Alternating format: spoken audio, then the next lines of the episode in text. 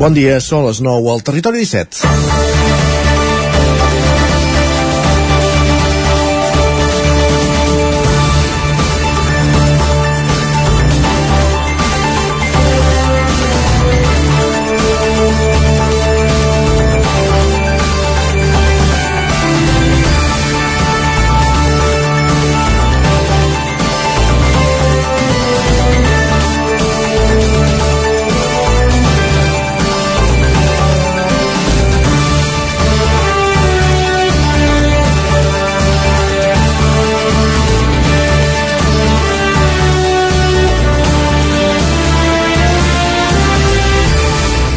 L'espionatge sempre ha estat una arma dels serveis d'intel·ligència per conèixer elements externs que no es controlen.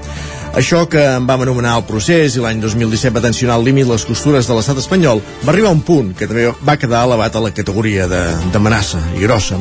Els moviments de l'esquerra independentista sempre han denunciat que han estat seguits per la policia i fins i tot fa, fins fa pocs mesos es va destapar el cas d'un agent infiltrat en organitzacions independentistes. Quan s'eleva el to, s'eleva també la vigilància i, com es podia veure ahir al 30 minuts, no es va escatimar en l'ús d'eines i tecnologia. Avui us expliquem el cas d'un regidor de primàries Codines, exmembre del secretariat de l'ANC, que segons diverses investigacions periodístiques també va ser espiat a través del sistema Pegasus, tal com ha publicat VilaWeb, com ho van, com ho van estar membres del govern o dirigents de les formacions polítiques independentistes.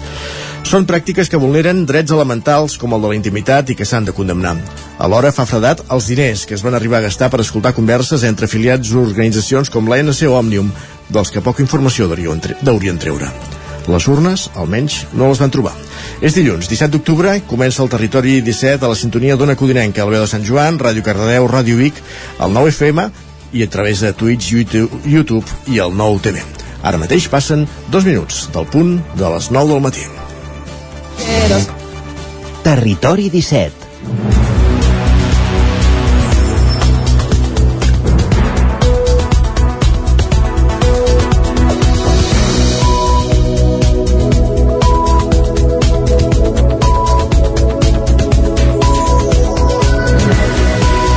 en aquest punt, com dèiem, comencem un nou territori 17, avui dilluns 17 d'octubre de 2022, en el qual us explicarem moltes coses. Començarem el programa, com sempre, fins a dos quarts de deu, repassant l'actualitat de les nostres comarques, Osona, el Moianès, el Vallès Oriental i el Ripollès, les comarques del territori 17. També farem un repàs a la previsió del temps amb Pep Acosta, des d'Ona Codinenca, i abans d'arribar a dos quarts farem, ens capbussarem en les portades dels diaris d'avui. Entrarem al quiosc. A dos quarts en punt, passarem per la R3, la línia de tren. Escoltarem les cròniques dels oferts usuaris de la línia que recull cada dia l'Isaac Muntades des de la veu de Sant Joan. I a l'entrevista parlarem amb Cesc Colom, president de l'Associació de Comerciants del Mercat Municipal de Manlleu, per fer una mica de balanç de la situació de com està el comerç, de com està el Mercat Municipal de Manlleu, un mercat on ara hi ha mateix 5 parades buides de les 23 que van obrir eh, fa 10 anys després de, de la reforma i que es va fer la concessió, doncs n'hi ha 4 de buides i una en traspàs. Eh, parlarem d'aquesta situació situació, com dèiem, amb Cesc Colom, president de l'Associació de Comerciants del Mercat Municipal de Manlleu. Continuarem amb els solidaris, amb la Laura Serrat des de Ràdio Vic, avui parlant de la, del finançament de les entitats del tercer sector. A les 10 ens tornarem a posar al dia amb l'actualitat de les nostres comarques, repassarem la previsió del temps i ens capbussarem al món dels esports. Repassarem com ha estat el cap de setmana esportivament parlant pels equips i esportistes de les nostres comarques. I a la darrera mitja hora anirem a Twitter amb en Guillem Sánchez, destacarem les pilades dades més destacades, valgui la redundància, que haguem trobat a la xarxa social i acabarem el programa amb la tertúlia esportiva. Després d'una nova patacada del Barça, ahir al Bernabéu, 3 a 1 dels empats de l'Espanyol i del Girona, tot plegat en parlarem avui a la tertúlia esportiva a la darrera mitja hora del Territori 17. conegut el menú, doncs és moment d'endinsar-nos en l'actualitat de les nostres comarques. En els últims 3 anys, el Consorci Hospitalari de Vic ha registrat 5 casos d'infants que perden la vida, la vida durant la gestació o poc temps després de néixer.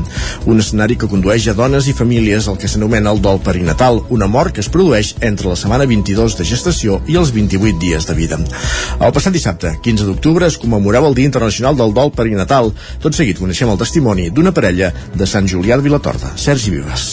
En Sam va néixer fa només 4 setmanes, el 22 de setembre, i s'ha convertit en el segon fill de la parella de Sant Julià de Vilatorta.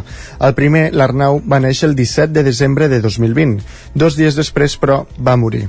En el control rutinari de la setmana 26, els metges van veure que Mengíbar, la mare, tenia la pressió alta. Hores després, li van di diagnosticar pre preeclàmpsia, una malaltia que afecta entre el 2 i el 8% dels embarassos durant la segona meitat de la gestació a dones que presenten una pressió sanguínia elevada, quantitats altes de proteïna en l'orina i inflor. Una situació que es va complicar per moments i que va portar a que Mengíbar li fessin una cesària d'urgència. Això ho explicava la seva parella Albert Victori. I la veritat és que el nen va néixer, va néixer viu, s'ha de dir, però havia fet un, un derrame cerebral total i això implica que el nen doncs, no podia cap, fer cap tipus de funció per, per ell mateix i vam decidir que, que baixessin un punt la, la respiració artificial i en aquell moment doncs, el nen va, va deixar de respirar i, i amb, amb 48 horetes pues, pues, ens va morir el nostre fill unes 48 hores frenètiques que van permetre, tot i les restriccions de la pandèmia, que avis i tietis poguessin conèixer l'Arnau. De seguida, però, Mengíbar i Victori van haver de començar a fer tots els tràmits burocràtics i sense tenir gaire temps per assumir el que havia passat, Mengíbar explica que el cop de realitat se'l van endur a l'arribar a casa. Vam arribar a casa i crec que va ser el cop de realitat més gran que vam tenir, de dir, vale, ja tenim les coses preparades per al nen i, i no, ja no tenim el nen. Llavors, clar, va ser ja no només el, el donar-nos compte nosaltres de que ja no hi havia nens, sinó doncs, de, desfer totes les gestions que també havíem fet, no? De, ostres, de la llista de les coses que havíem comprat, de la cuna que poder ja teníem, Gairebé dos anys després de la mort de l'Arnau, remarquen la importància de rebre atenció psicològica, tot i que en el seu cas, i decebuts amb la pública, han hagut de recórrer a la privada. Malgrat tot, Mengibar explica que el que els permetrà recordar sempre l'Arnau és parlar-ne i tenir-lo present en el seu dia a dia el més important és eh, parlar de l'Arnau sempre en present, perquè l'Arnau és, l'Arnau no era, i nosaltres a casa i tant amb la seva família com amb la meva intentem sempre que sigui així. I, i no, és simplement normalitzar-ho normalitzar-ho tant amb en Sam quan sigui més gran i puguem parlar una miqueta amb ell sobre aquest tema com amb la gent que ens demana.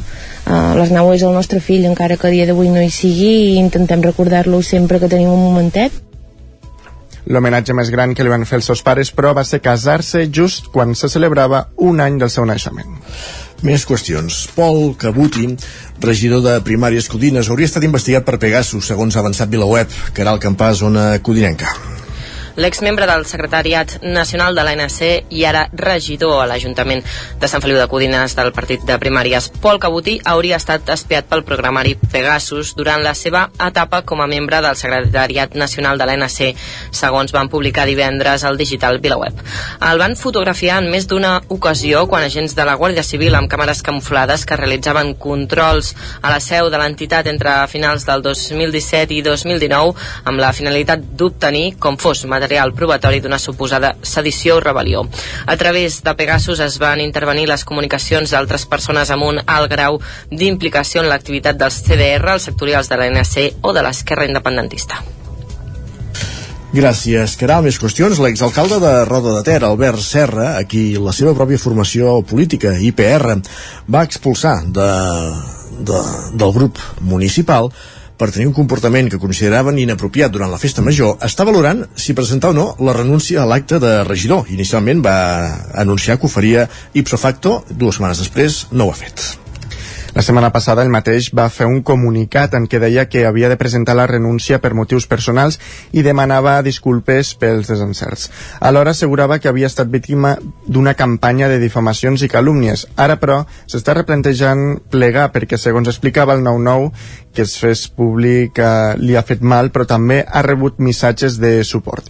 IPR va apartar Serra del partit després que els confirmés que era qui els Diables del Pont Vell denunciaven en un comunicat per una actitud masclista i un tracte ofensiu envers algunes dones durant la festa major. Si no renuncia, Serra es mantindria l'oposició com a regidor no adscrit. Més qüestions. La propietat de l'església de la colònia de la Coromina de Trolló ha descartat fer allotjaments de turisme rural en aquest espai, tal com pretenia inicialment, i ha dos pisos de la rectoria adjacent. Les traves legals pel fet de ser en una zona inundable i la polèmica amb alguns veïns els ho han fet descartar. Preveuen fer-hi, això sí, esdeveniments i obrir-lo com a cafeteria, Sergi. L'església del Sagrat Cor de la colònia de la Coromina de Torelló, un edifici que va construir l'arquitecte Josep Maria Pericas al 1905 i que està declarat bé cultural d'interès local, finalment no s'utilitzarà com a allotjament de turisme rural. La propietat de l'immoble ho ha descartat, malgrat que l'any passat va estar durant uns mesos, segons diuen, de prova en algunes plataformes com Airbnb. Les traves legals pel fet de trobar-se en una zona inundable i la polèmica amb alguns veïns han fet descartar aquesta opció. Això ho avançava Manel Rueda, propietari de l'església. El que sí que farem és a, pues, un espai de lleure per, per oci, pels veïns i bueno, per tindre una activitat pues, per funcionar com a cafeteria i fer casaments, bueno, una miqueta el que se fa un puesto d'aquest tipus. Amb la particularitat que som una església podem fer casaments de tot tipus gais, eh, de lesbianes, una cosa molt, molt curiosa i és, és el que passa que no és molt benvingut aquest tipus d'activitat per als bombers Malgrat fa dos anys que tenen els permisos per fer esdeveniments i cafeteria, van acordar amb l'Ajuntament que no començaria l'activitat fins que es resolguin els procediments legals per les obres en un espai que hi ha entre l'Església i la Rectoria que els propietaris van començar davant del silenci administratiu. Això ho expliquen Manel Rueda i el regidor d'Urbanisme de l'Ajuntament de Torelló, Adrià Jaumira.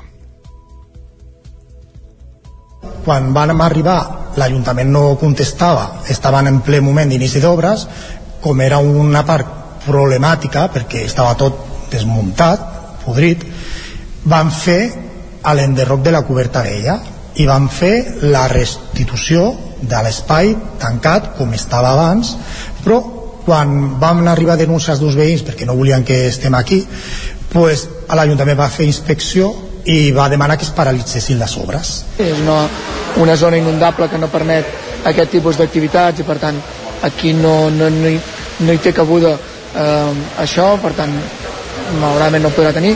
El que sí que es pot contemplar és poder organitzar esdeveniments en aquesta església i en les zones del voltant, als jardins. Això en principi sí que se li haurà de poder donar permís un cop tingui fetes aquestes obres el consistori ha multat en dues ocasions la propietat per no haver enderrocat part de les obres que havien fet i per les quals ara ja tenen permís, amb la voluntat que es restituís la fitxa patrimonial. Davant de tot plegat, els propietaris també denuncien que durant aquest temps per la seva condició sexual han rebut insults i amenaces de caràcter homòfob per part dels veïns que, segons ells, no volen que portin a terme aquesta activitat a l'església. Més qüestions. Després d'una llarga pausa per la pandèmia, tornen els Premis Innovacat. En aquesta edició, la vuitena, 32 dues empreses optaran a rebre una dotació econòmica per tirar endavant els seus projectes. Dijous, els participants van exposar les seves propostes davant el jurat. Els guanyadors es coneixeran el 27 d'octubre. 10 minuts. Aquest era el temps que tenien els participants dels 32 projectes seleccionats per la vuitena edició dels Premis Innovacat per presentar el seu projecte davant del jurat. En aquesta edició, la primera, després de la convocatòria, quedés, uh, que després que la convocatòria quedés ajornada del 2020 per culpa de la pandèmia, ha rebut fins a 34 propostes. Escoltem a Eudal Sellares, regidor de Promoció Econòmica de l'Ajuntament de Manlleu. Sortosament els hem pogut eh, celebrar finalment, perquè el 2020, doncs, evidentment, vam haver de, de posposar-los.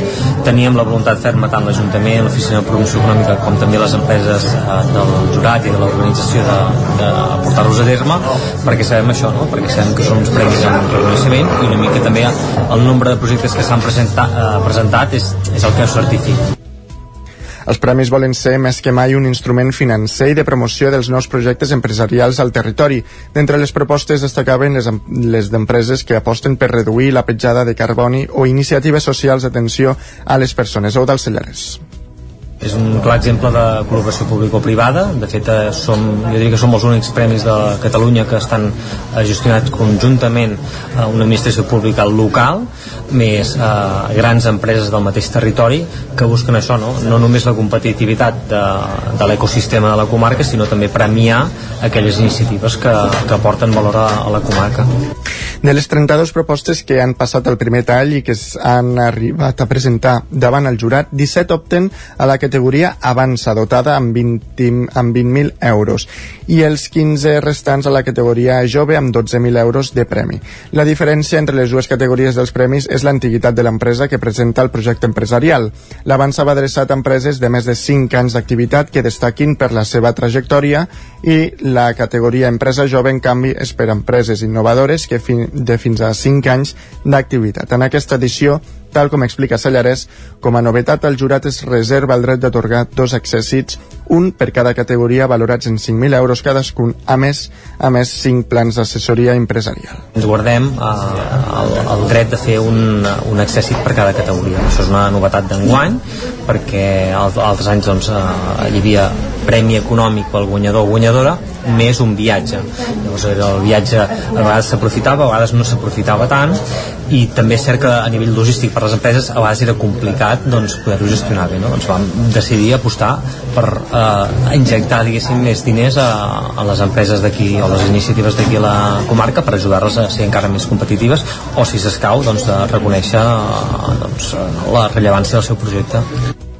El jurat que valora els projectes està format per representants de les empreses organitzadores, la Universitat de Vic, l'Ajuntament de Manlleu, Roca, Salvatella i la Fundació Puncat. Els guanyadors es coneixeran, els donaran a conèixer el dijous 27 d'octubre.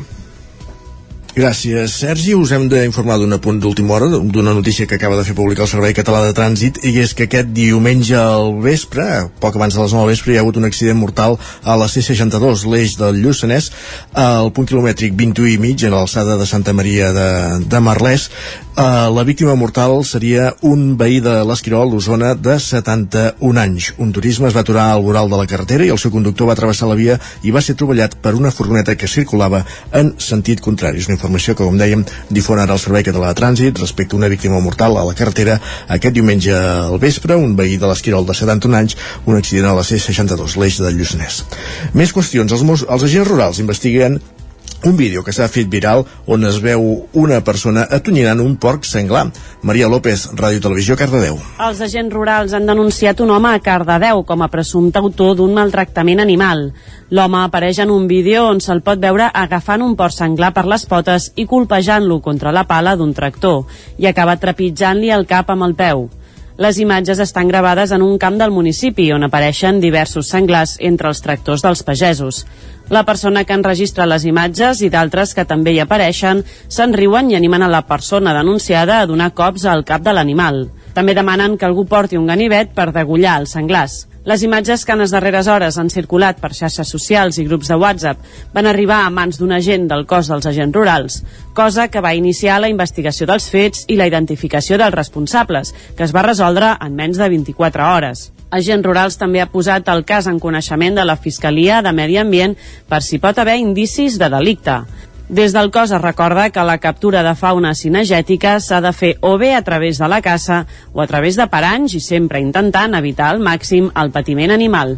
Gràcies, Maria. I un últim apunt, anem cap al Ripollès. La Fira de l'Ovella de Ripoll reuneix 200 caps de bestiar i incrementa els corrals fins a 32. Isaac Muntades, la veu de Sant Joan.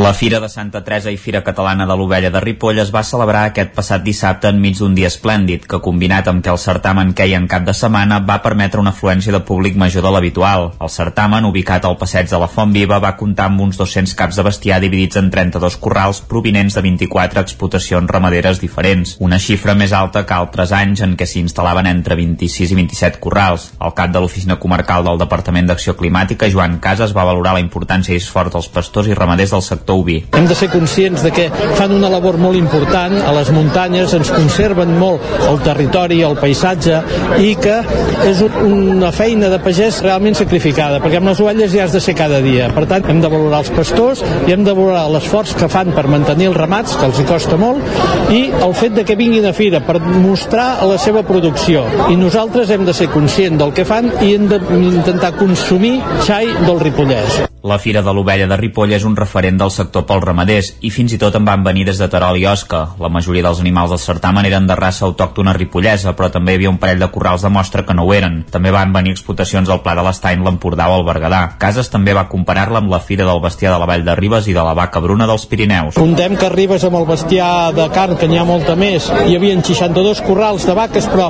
és clar un corral l'emplenes amb una vaca. Aquí hem portat ben bé 200 animals i allà eh, realment hi havia 60 i pico corrals, però ramaders eren 22. El Premi Maurici Camproví al millor animal de la fira va ser per un marrà de Can Pere Toia de Castellà de Nuc. Aquesta explotació també va guanyar el primer premi pel millor marrà i va obtenir dos segons llocs en la categoria del millor lot de xaies i d'ovelles. El millor lot de xaies va ser pel Mas La Cabana de Can de Bànol i el Mas Llestanosa de Vallfogona de Ripollès va ser tercer. En la categoria d'ovelles va imposar Can Picola d'Ugassa, mentre que Mas Benito de Jafra va quedar tercer en la categoria d'ovelles i marrans. Can Pere Miquel de Castellà de Nuc va ser segon en marrans i Dolors Soi del Mas Llestanosa va fer el millor collar musicat. També es va donar una menció especial a la recuperació de l'ovella ripollesa de llana negra de Mar Ros de les Olives Garrigoles. Gràcies, Isaac. Acabem aquí aquest repàs informatiu que començàvem a les 9 en companyia d'Isaac Muntades, Sergi Vives, Caral Campàs i Maria López. Moment ara de conèixer la previsió del temps.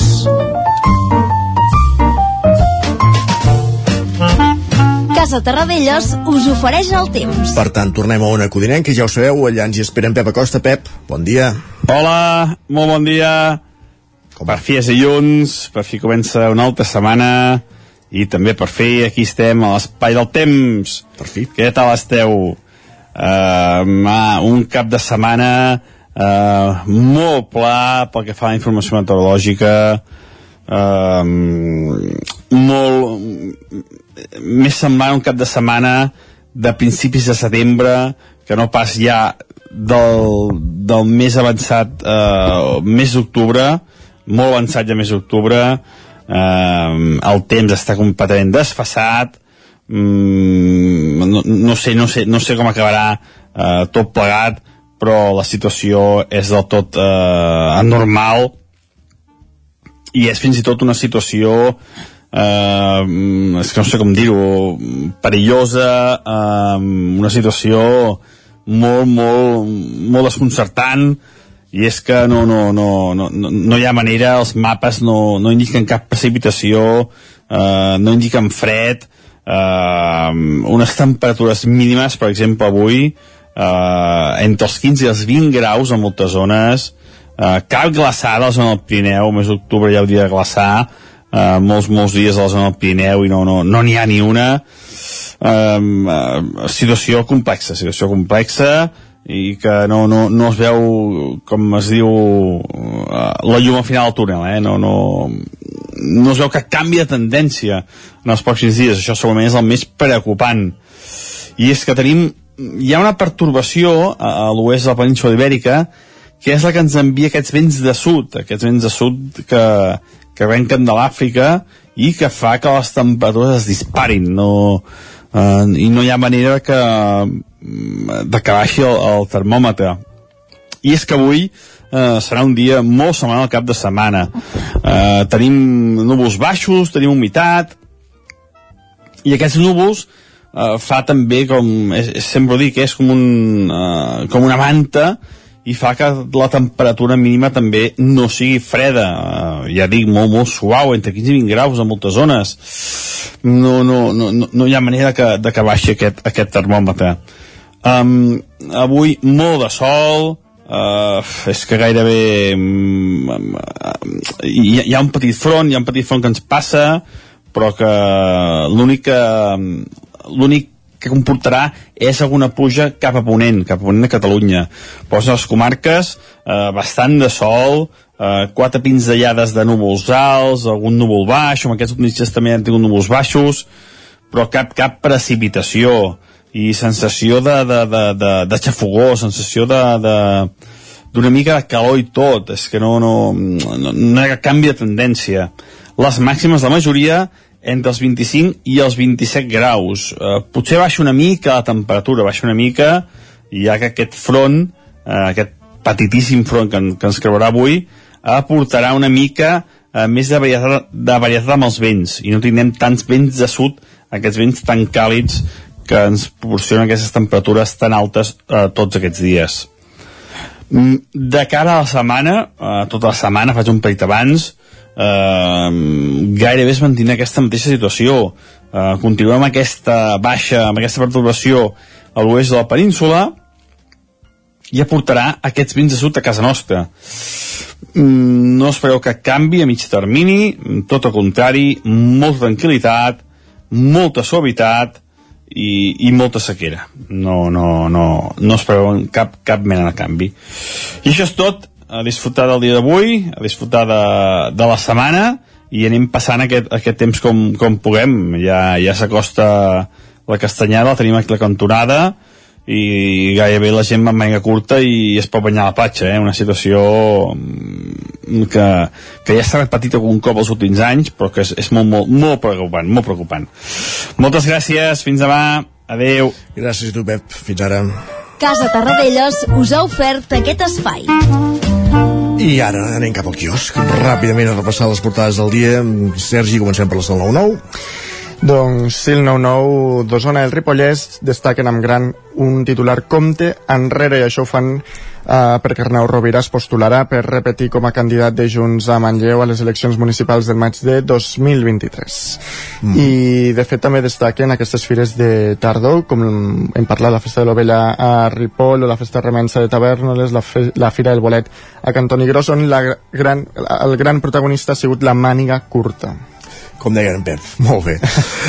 Més portades. Al 9-9 del Vallès Oriental destaquen que la crisi de la Covid va reduir la renda dels residents de 3 de cada 4 municipis del Vallès i això ho fan doncs, il·lustrant-ho amb una vista aèria de Figaro, que de fet va ser la població amb més creixement d'ingressos al 2020. Ràpidament, tenim 30 segons per la resta de portades, però on continuem?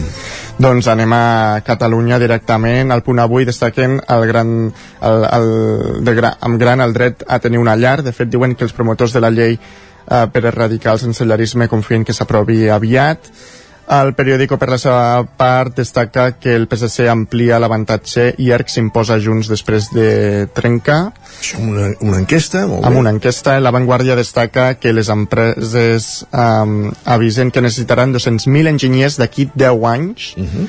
que ja hi ha problemes per trobar-ne, i l'Ara destaca que la Xina avisa que no renunciaran a l'ús de la força a Taiwan Caram.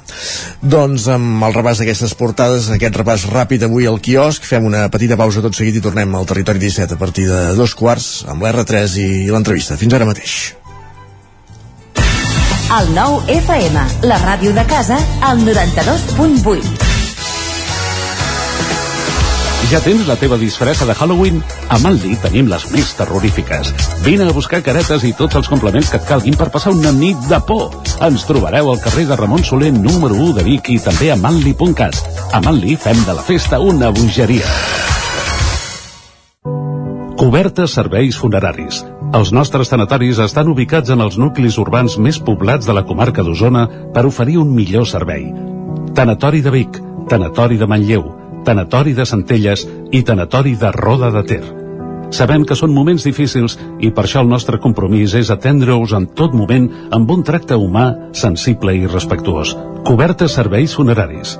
Telèfon 24 hores 93 883 23 46. Amb Pradell estalvio energia i cuido la meva butxaca i el medi ambient. Posa't en mans a Pradell, són experts en calderes de gas i condensació, estufes de pelat, energia solar, terres radiants i geotèrmia. Pradell instal·la calderes de biomassa per a particulars i per a empreses. Si vols estalviar un 50% en consum, contacta amb Pradell i passa't a les energies renovables. Pradell, som a l'Avinguda Països Catalans 27 de Vic. Telèfon 93 885 1197. Pradell.cat. Has d'organitzar un esdeveniment? A l'Ineixat lloguem les cadires, taules, plats, coberts, rams de flors i tota la decoració necessària per preparar qualsevol esdeveniment. Vine a buscar material per a festes, casaments, celebracions culturals, espectacles, concerts o reunions d'empresa i de família. Ens pots venir a veure al passeig de la Generalitat número 52 Baixos de Vic, buscar-nos a les xarxes o trucar-nos al telèfon 670 38 96 25. Ah, i també ens trobaràs a Girona. A l'Ineixa tenim tot el que pots necessitar per fer-te la vida més fàcil. Al 9FM. Anuncia't al 9FM. La màquina de casa. 9 3 8 8 9 4 9 4 9 Publicitat arroba al 9FM.cat. Anuncia't al 9FM. La publicitat més eficaç. Cocodril Club. Si t'agrada la bona música dels anys 60, 70 i 80, escolta el 9 FM als matins de dissabtes i diumenges d'11 a 1. És el temps del Cocodril Club, tot un clàssic de la ràdio, amb les bases del pop-rock, les llegendes, les cançons que s'han convertit en autèntics himnes. Recorda, dissabtes i diumenges al matí, d'11 a 1, al 9 FM 92.8. Cocodril Club. El programa revival de l'Albert Malla. Hasta luego, cocodrilo. La ràdio de casa al 92.8. El 9 FM.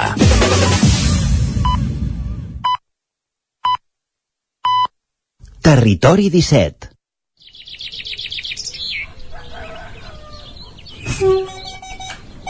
A Tren d'Alba. Cada dia els usuaris i usuàries de la línia R3 de Rodalies que veuen sortir el sol des d'un vagó ens expliquen les gràcies i les penes del primer comboi que uneix Ripoll i Barcelona o les feixugues jornades amb el tren després de treballar. Benvinguts a Tren d'Alba. Realment, cada dia de l'any hi ha milers de piulades criticant el mal funcionament de Rodalies i de les estacions. Només un exemple. L'usuària Sílvia Pinto diu que els usuaris de les Rodalies 2 Nord són els que tenen més sort de l'any, perquè més de les obres de la Sagrera, a Mollet no hi ha una andana operativa i si et toca la porta sorpresa que frega la tanca, doncs és com sortir d'un escape room i, evidentment, no és apte per gent amb mobilitat reduïda. I diu que no et pots bellugar la porta segura perquè el tren va ple i amb gent d'en peus des de Llinàs, que és la tercera parada del recorregut. El servei gratuït ha arribat en el trimestre de servei més pèssim, segons deia la tuitaire. Va, escoltem la crònica d'en Jordi Valls d'avui. Bon dia, bon dilluns, molta mandra, bon de tot. Soc en Jordi de Centelles. Avui el nostre tren ha arribat 7 minuts tard, bé, dintre de la normalitat. El que sí que es nota és els dilluns, la de gent, i després quan arribem a Barcelona, la de cotxes que hi ha. Ai, senyor, ja és dilluns. Avís per navegants.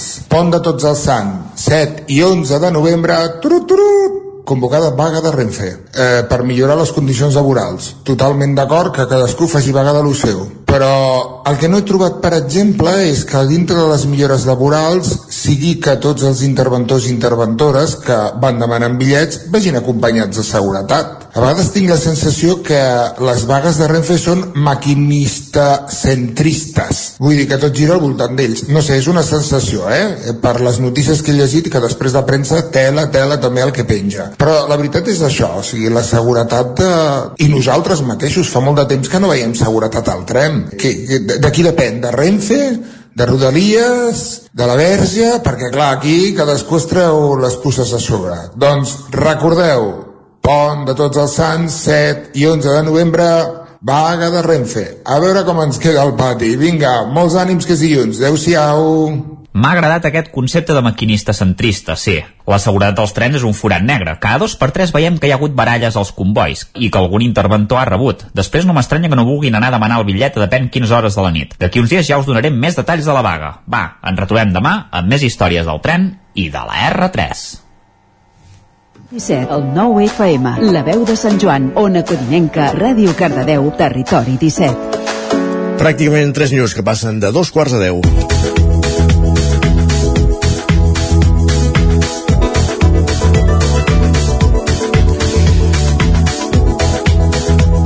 5 de les 23 parades del Mercat Municipal de Manlleu estan ara mateix en venda o en traspàs. És una situació que no és alarmant, però de la, a la qual volem trobar-hi explicacions, o volem demanar explicacions.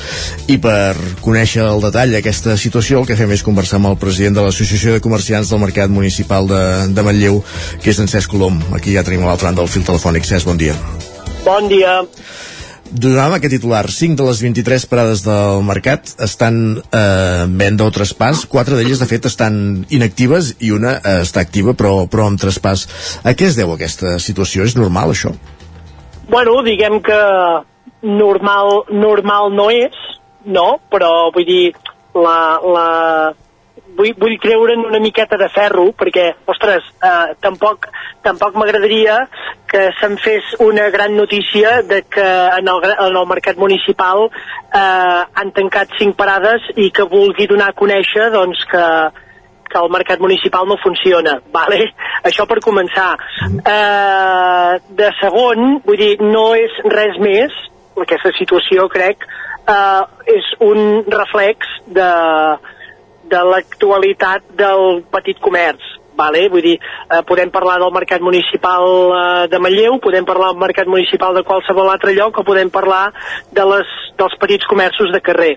Eh, bueno, la situació no convida massa eh, a, a, a ser positiu o sí, però vull dir, la situació ara mateix és difícil, eh?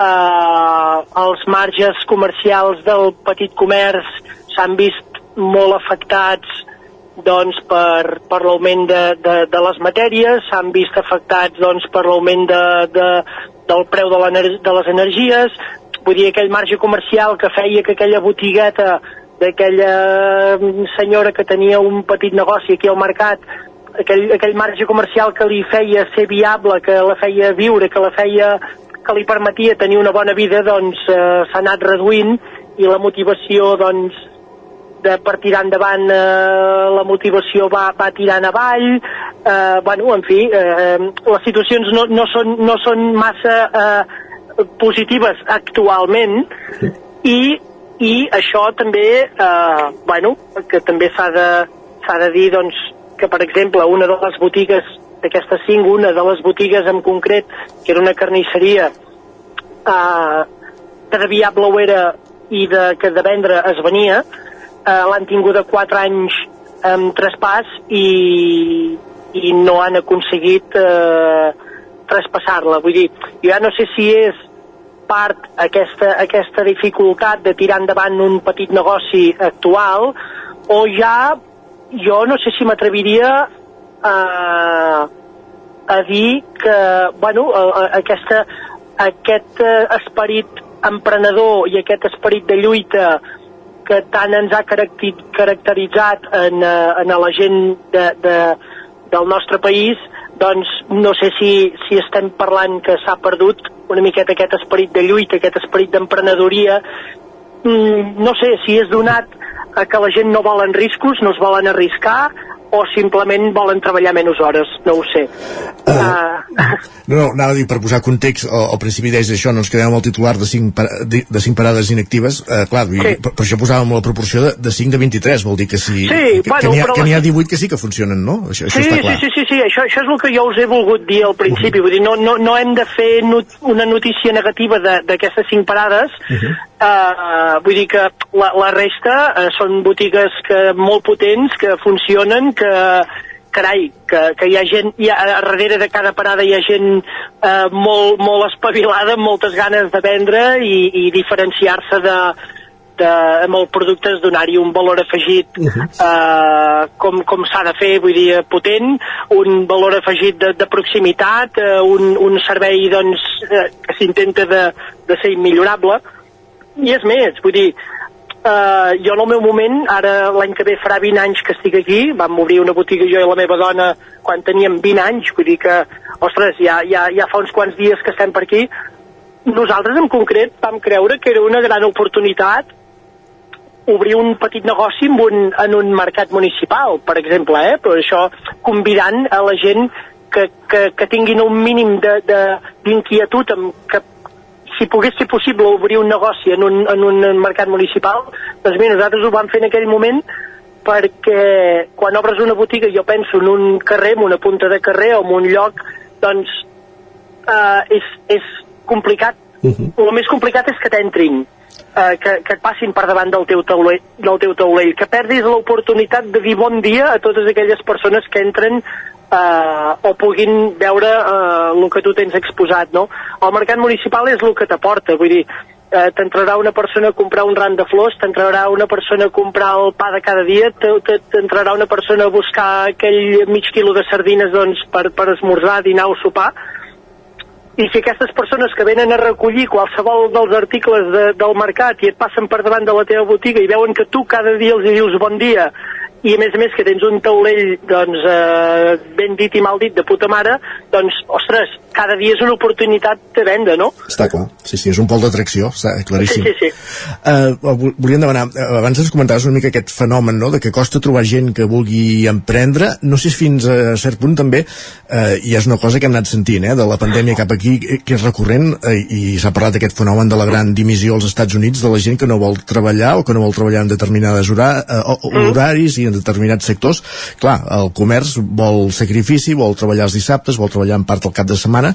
Això Sí. creieu que també dificulta aquest, uh, aquest relleu a les parades de... Mira, segurament, segurament que, que sí. Uh, vull dir, no ho podem pas negar. Vull dir, ara la gent, uh, la gran majoria, doncs està clar, vull dir, volen una feina de dilluns a divendres i si pot ser de matins i tenir les tardes lliures i si en comptes de 8 hores en podem fer 6, doncs millor, no? Però bueno, no ho sé. Aquí eh, jo personalment et puc dir que de les noies o, o companys que hem tingut aquí treballant amb nosaltres, eh, una bona part han plegat doncs, pels, per als dissabtes al matí.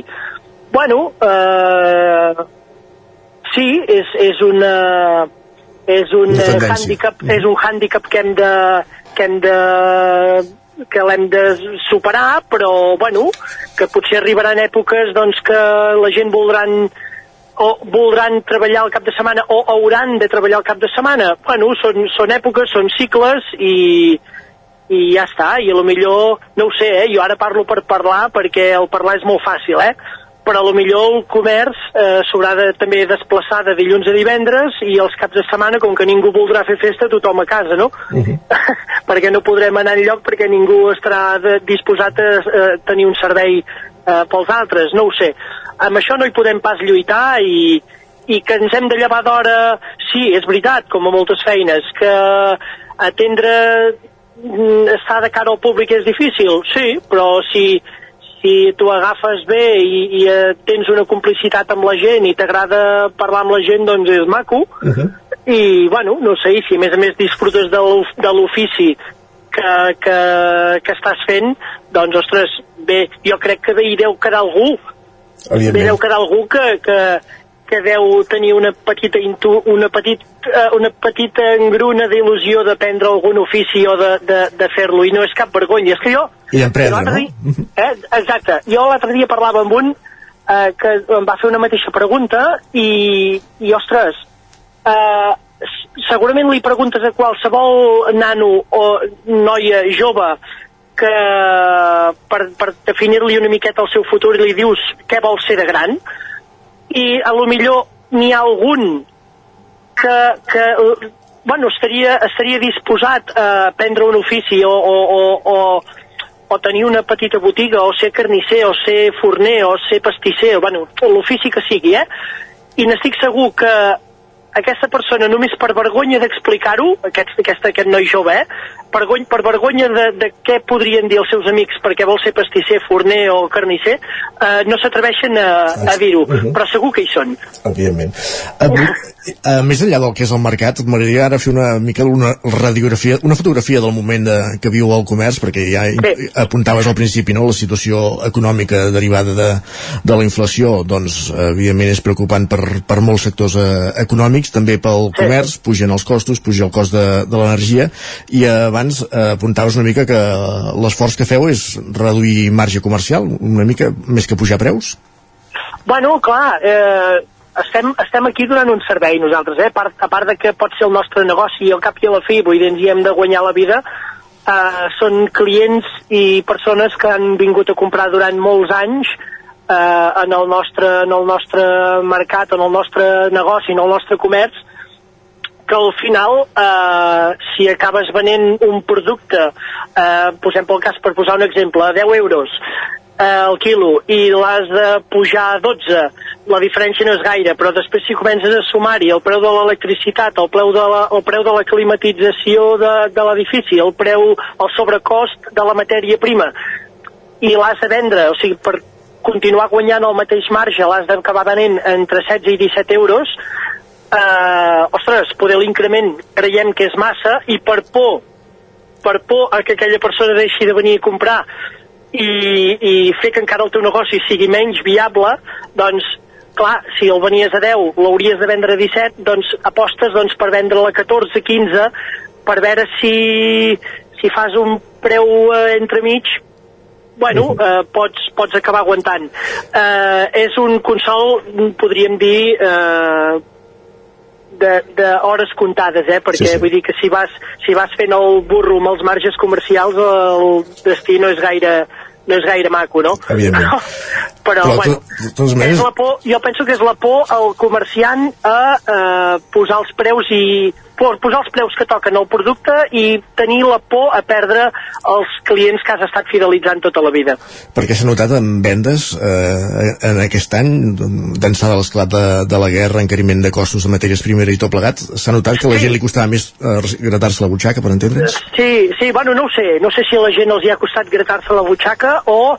Eh, és que no ho sé, és que hi ha molts factors. Eh, eh, hem sortit d'una pandèmia, ha esclatat una guerra, eh, i han pujat, s'han apujat els preus. Eh, jo penso que és molt la, la, la, in, la incertesa, la incertesa de la gent amb què passarà, que, bueno, que, que la gent, tant si els que poden com que els que no poden tant, els que poden perquè no es volen gastar el que tenen i els que no, no tenen eh, per no gastar més del compte, suposo que s'ha creat una mica de clima de, de, de por, una miqueta de, de tot, eh? vull dir, de, de, dels, de les televisions, ràdios, eh, s'ha estat parlant molt del tema i, i ha creat una miqueta de pànic. Eh, aquesta primera meitat d'any ha sigut, va ser molt, molt, molt dolenteta, sí, diguem, diguem dolenta, perquè notaves aquest ambient, aquest ambient negatiu. Ara s'ha de dir que des de l'estiu cap aquí sembla, sembla que, que la cosa no és tan negativa com, com aquesta primera meitat d'any. I esperem que, bueno, que això no, no vagi a menys, vull dir que si més no puguem estabilitzar puguem estabilitzar la venda i, i fer creure a la gent que sí, que, que la situació és difícil, però, però en que per posar un exemple, que per comprar un tall, un tall de bistec, i si s'ha pujat, s'ha pujat eh, per, pel preu d'una persona, s'ha pujat per, de cèntims, m'entens? Sí, sí. Que, eh, que hem de tenir por i respecte a, a la situació, però tampoc eh, cal que frenem l'economia local de cop. Molt bé. Doncs amb aquest missatge acabem. Cesc Colom, president de l'Associació de Comerciants del Mercat Municipal de Manlleu, gràcies per acompanyar-nos i fer aquesta fotografia de, del moment del Mercat Municipal i del comerç local. Molt bé. Doncs Bon- gràcies per trucar a vosaltres. Bon dia. Va, adéu-siau. I acab continuem, acabada aquesta entrevista, anem tot seguit cap als solidaris.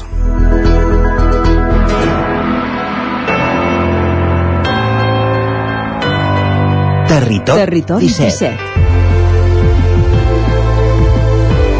Territori 17.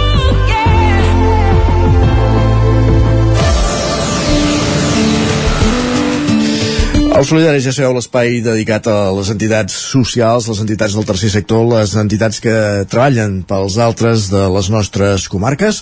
Una, una secció que cada setmana ens acosten des de Ràdio Vic, ens la porta la Laura Serrat, i que avui ens fa un reportatge sobre la situació econòmica, sobre les finances, precisament també d'aquestes entitats. Laura, bon dia.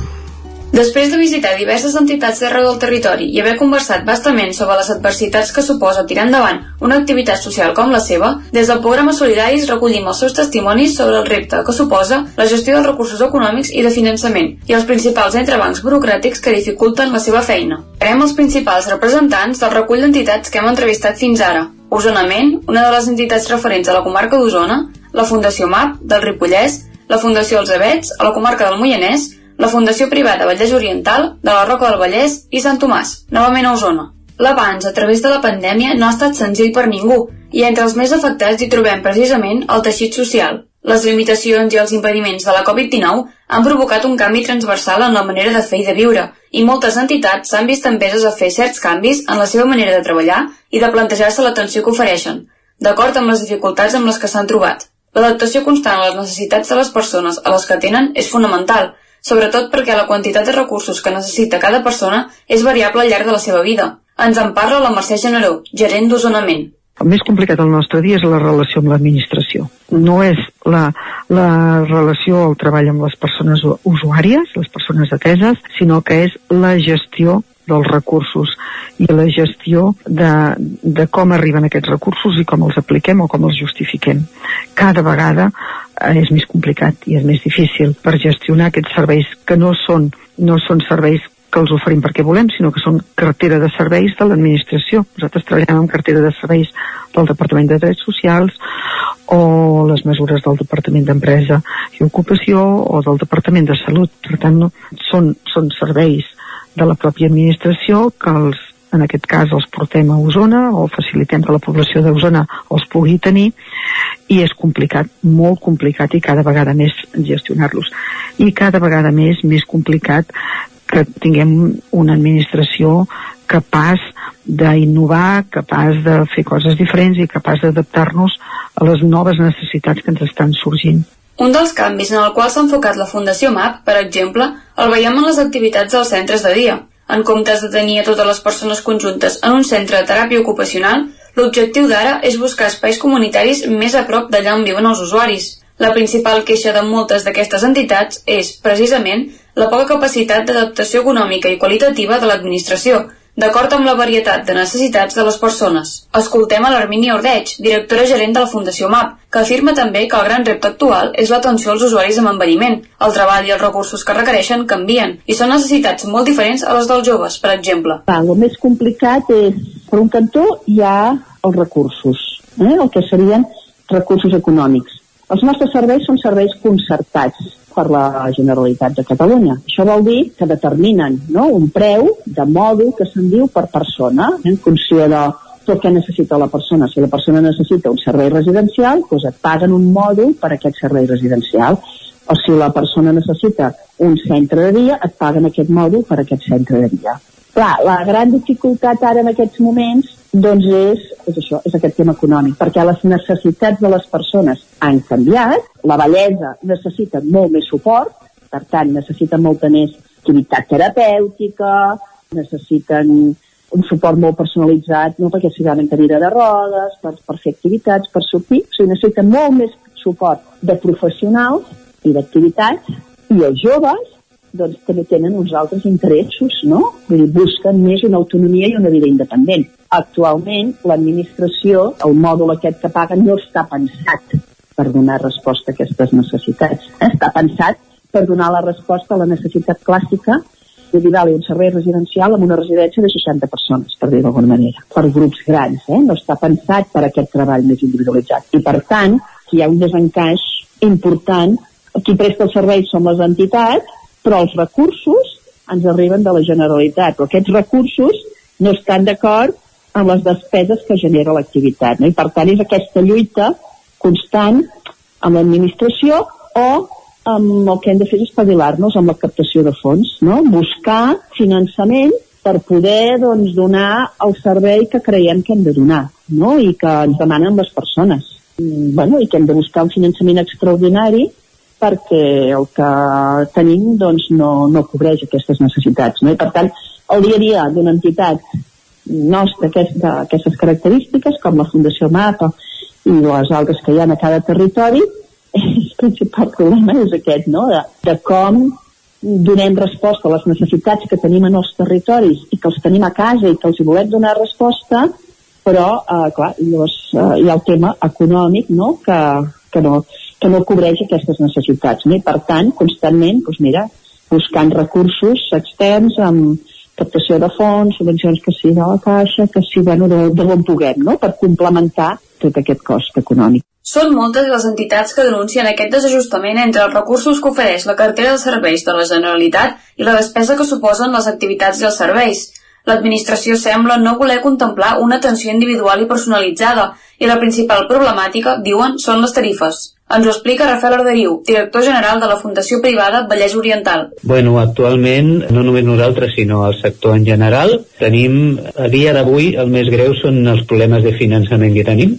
Tenim unes tarifes molt... des de l'any 2010 pràcticament que tenim les mateixes tarifes. Actualment el cost de totes les matèries primeres, de tots els subministraments se'ns han incrementat moltíssim, moltíssim, i això per nosaltres ara és una dificultat important per tirar endavant. Per sort tenim molts serveis i podem compensar unes coses amb les altres, però a dia d'avui és un dels més importants. Jo crec que faria falta que les tarifes de l'administració s'adequessin als costos reals de l'activitat. Actualment estem, estem prestant el servei amb unes tarifes molt, molt baixes molt baixes respecte al que era el cost real del servei. I a més són serveis molt, molt cars que les persones no poden assumir de forma privada. L'administració això ho ha de finançar parcialment. I actualment ho està finançant però amb unes tarifes eh, inferiors al que hauria de ser.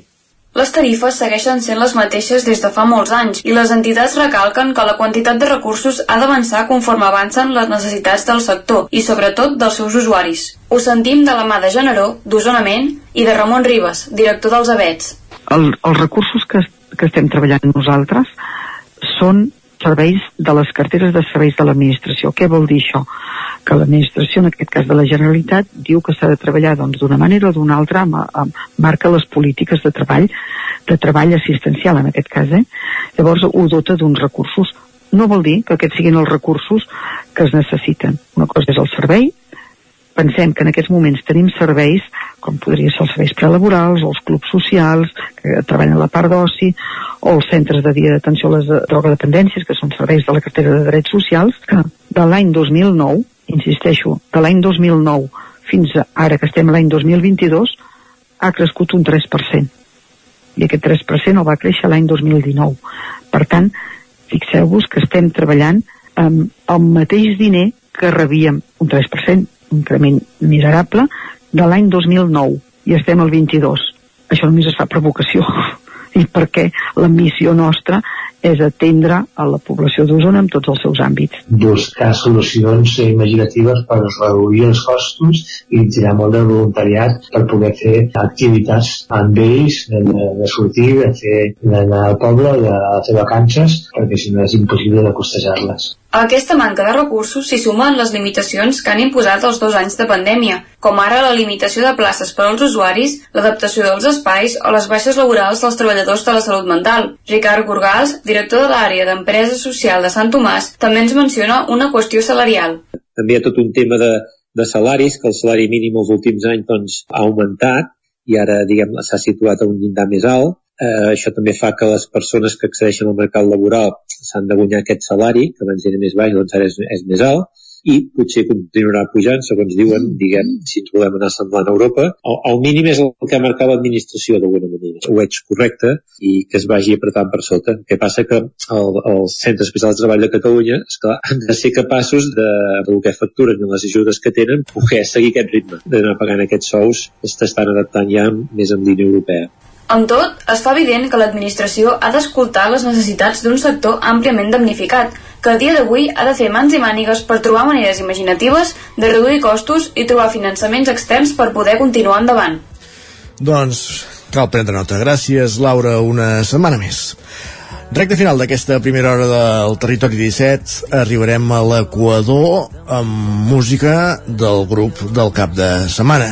Dissabte omplien el Palau Sant Jordi els Antònia Font en aquesta parèntesi de retorn, podríem dir, de la formació mallorquina i quina manera, quina millor manera de començar la setmana que fer-ho amb alegria. De pols estel·lar Cau et sol de sora baixa i plàcidament gent s'adutxa i omple els carrers Tau, et sol de sora baixa dins el meu cor.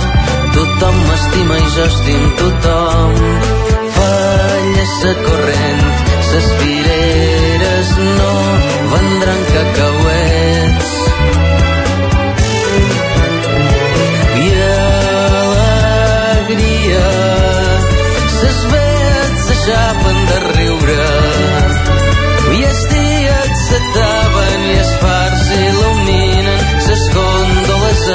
entre ses cases i alegria ses òrbites en sincronia. I els ovnis s'apinyen i deixen un cràter per sempre dins la meva vida. I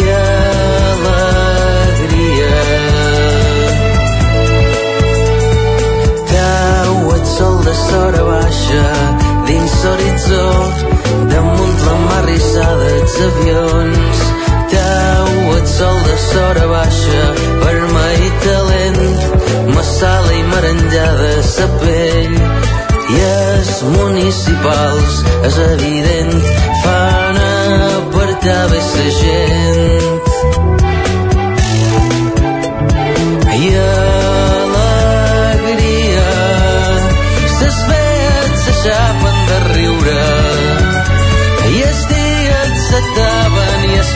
Il·luminen ses gòndoles entre ses cases i alegria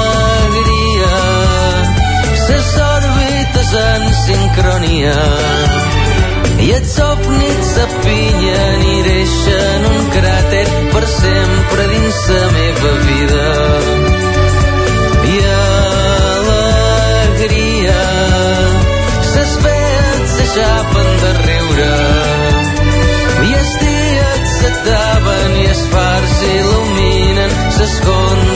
entre ses cases.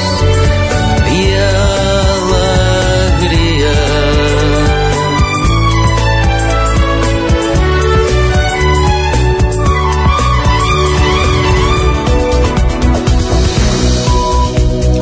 I és moment al Territori 17 de posar-nos al dia, d'actualitzar-nos amb les notícies més destacades de les nostres comarques, Osona, el Ripollès, el Moianès i el Vallès Oriental, i ho fem en connexió amb les diferents emissores que dia a dia fan possible aquest programa, la veu de Sant Joan, Ona Codinenca, Ràdio Cardeu, Ràdio Vic, el 9FM ens podeu veure també a través del nou TV, de YouTube i de Twitch. Ho avançàvem ara fa una estona a l'entrevista. 5 de les 23 parades del Mercat Municipal de Manlleu estan en venda o en traspàs. Jubilacions sense haver aconseguit fer un traspàs, canvis de plantejament de negoci o tancaments fan que hi hagi 4 parades amb la persiana baixada i una encara activa pendent de traspàs. La voluntat de l'Ajuntament, amb les que no es puguin traspassar, és recuperar-les i fer-ne una nova concessió. Sergi Vives.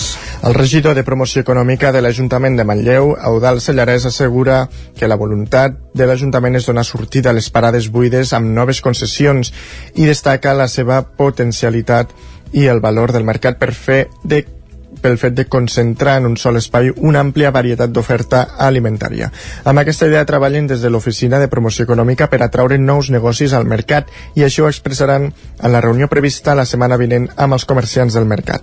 Saix Colom, president de l'Associació de Comerciants del Mercat Municipal de Manlleu, atribueix el tancament de parades principalment a la manca de relleu generacional. Colom reflexiona també sobre el mal moment pel qual passa el petit comerç, pugen els preus de l'energia i les matèries primeres i per no fer pujades dràstiques de preus redueixen el marge de benefici. Tot plegat en un context on han vist baixar les vendes el primer semestre de l'any amb l'esclat de la guerra d'Ucraïna i la conseqüent incertesa, Colom assegura haver viscut els pitjors mesos com a comerciant.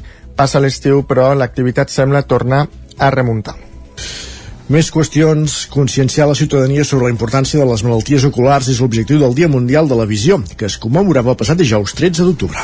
L'avenç de la tecnologia ha ajudat significativament a trobar solució a moltes patologies oculars i al mateix temps ha fet que els professionals dels ulls coneguin aquesta cada vegada millor aquest òrgan, encara força desconegut. Joan Tell, especialista en oftalmologia, ens ha donat quatre consells per conservar la vista sobretot els nens començar a parlar, que els nens quan parlin de que eh, sàpiguen que els nens queixen de que alguna no va bé si hi ha antecedents familiars de malalties d'aquest tipus, sobretot els nens parlant bé. Segona cosa, seguir els consells que a vegades els, els mestres diuen aquest nen sembla que no hi vegi bé o no fa bé, tot això. Tercera, el la gent gran quan passa de certa, dels 40 anys, la gent, perdó, la gent de 40 anys, controlar-se la pressió dels ulls, que és quan comença a sortir la hipertensió ocular. En quart lloc, la gent gran comença a sortir malalties dels ulls degeneratives que la gent abans no sortien perquè la gent a 78, a 70, 75 anys ja traspassaven, ara arribem als 100 estan apareixent noves malalties que abans no es coneixien L'informe mundial sobre la visió de la OMS i la resolució de les Nacions Unides sobre la visió han consolidat la salut ocular com una cosa fonamental per arribar als objectius de desenvolupament sostenible. Dissabte feia anys de l'afusellament a Lluís Companys, es van fer actes commemoratius arreu del territori, també a Cardedeu, Ràdio Televisió Cardedeu, Maria López. Cardedeu ha tornat a rendir homenatge a Lluís Companys el dia de l'aniversari del seu afusellament. En un acte organitzat per Esquerra Republicana de Cardedeu, Una trentena de persones es concentraven dissabte a les 7 del matí a la plaça Lluís Companys per al llançament de salves i la lectura d'un manifest, coincidint amb l'hora en què Companys va ser afusellat. Ens ho explica Núria Calvet, membre d'Esquerra Republicana de Cardedeu eh, davant de l'Ajuntament. Mantenim el llançament de salves allà per més per, per seguretat també però des de fa dues edicions crec que és, dues eh, vam estrenar aquest jardí on som ara que és el jardí que porta el nom d'en Lluís Companys. I és molt representatiu, és simbòlic i ens agrada doncs, fer la lectura del manifest aquí i per nosaltres té un, un motiu especial en acabar l'acte, els assistents han continuat l'homenatge amb una caminada fins la Torrassa, la torre de guaita romana emblemàtica de la zona. Gràcies, Maria. Més qüestions. Caldes de Montbui reviu la plec del remei amb una fira cercavila de carros i trobada d'entitats de cultura popular. Caral Campàs, Ona Codinenca. So de les gralles i els tabals i la música de, de la copla ginesenca eren la banda sonora de la trobada de la plec del Remei celebrat a Caldes aquest diumenge en el marc de la capbuitada de, de la Festa Major. Tot va començar amb la tradicional trobada de carros i pujada al Remei. Després, al passeig ja hi va començar a haver més moviment. La trobada de puntaires i les partides ràpides d'escacs es van anar omplint de participants i curiosos. La cercavila d'entitats de cultura popular que un any més va esdevenir l'acte principal de la jornada va comptar amb la participació dels bastoners, els geganters, diables, castellers i els sardanistes. La rua va començar a la plaça de la Font del Lleó i va acabar a l'ermita del Remei, on les colles van fer diverses actuacions. Sentim Arnau Torrent, cap de colla de castellers a veure, hem fet eh, pilar pel matí eh, no, a la residència, hem fet, dos, hem fet dos pilars en la primera parada, després hem fet el 3 de 6, finalment hem fet el, el 4 de 6, també amb, amb quarts nous, i hem fet eh, quatre pilars de canalla.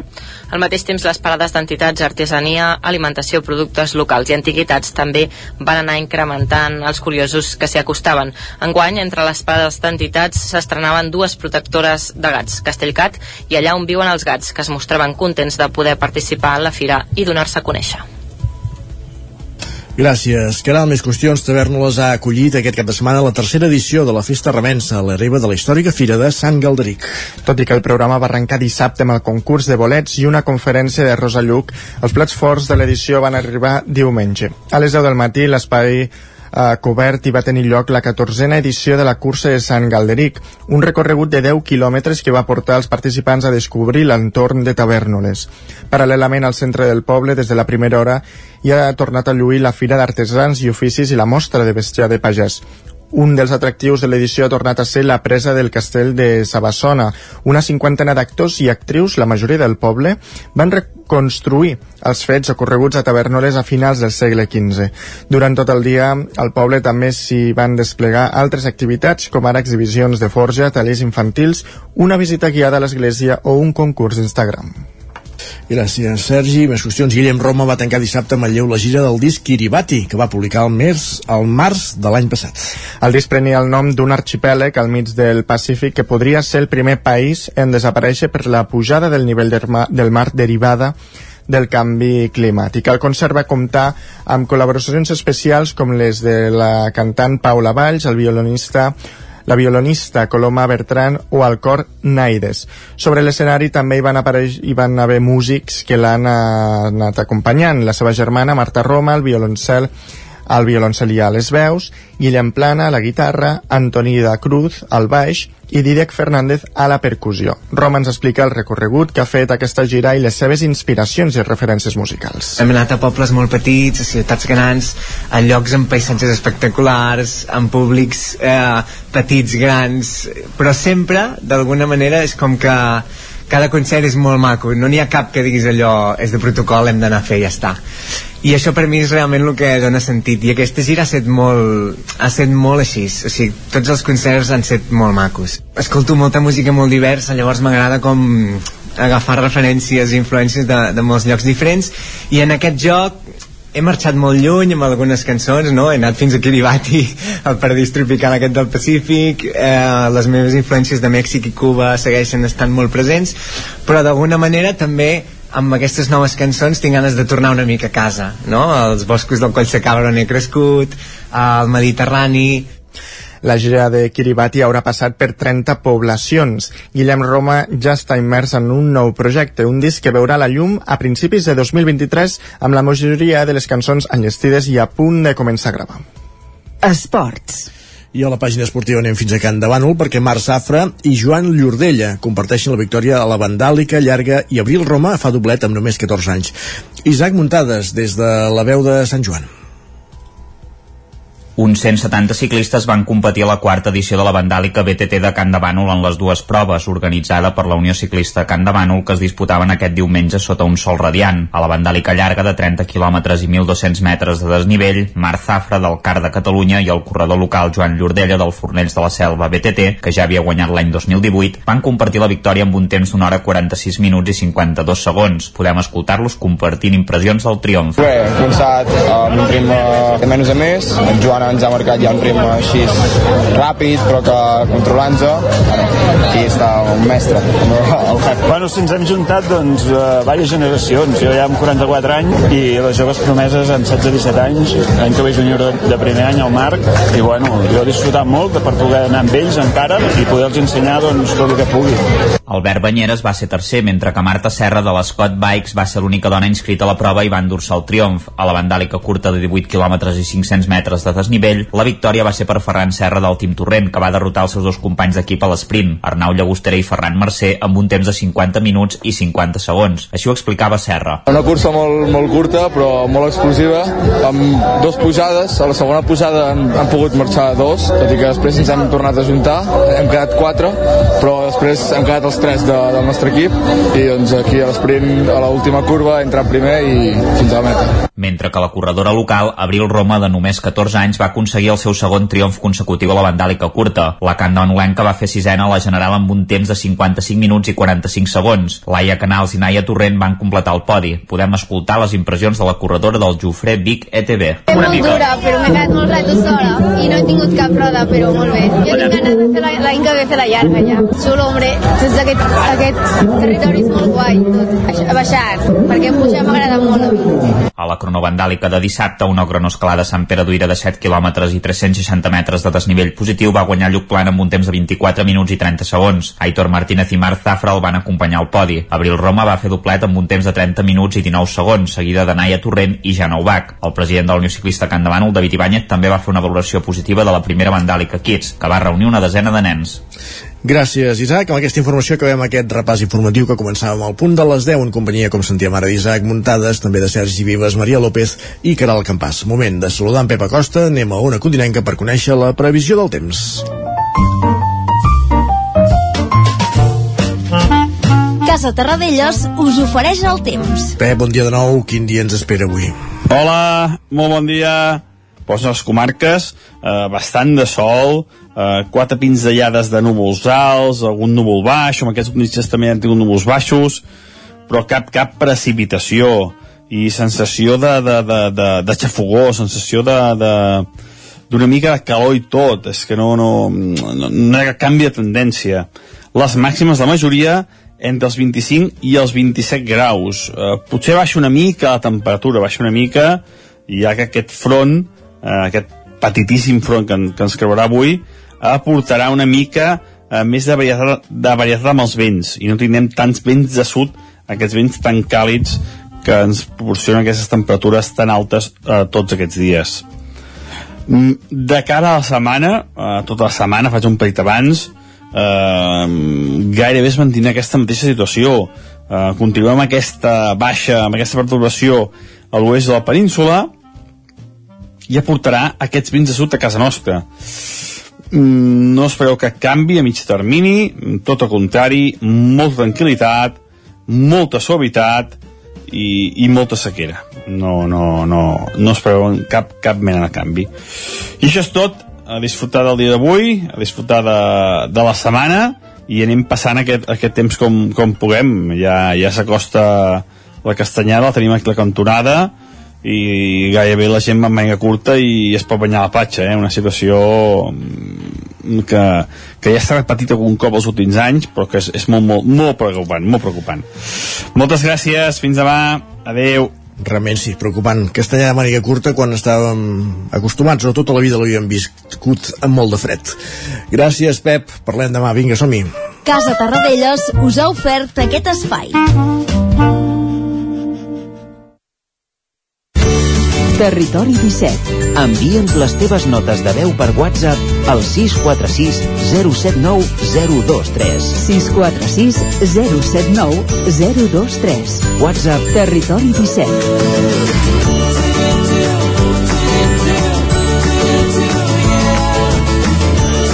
Territori 17. Som a Facebook, Twitter i Instagram amb l'usuari Territori 17.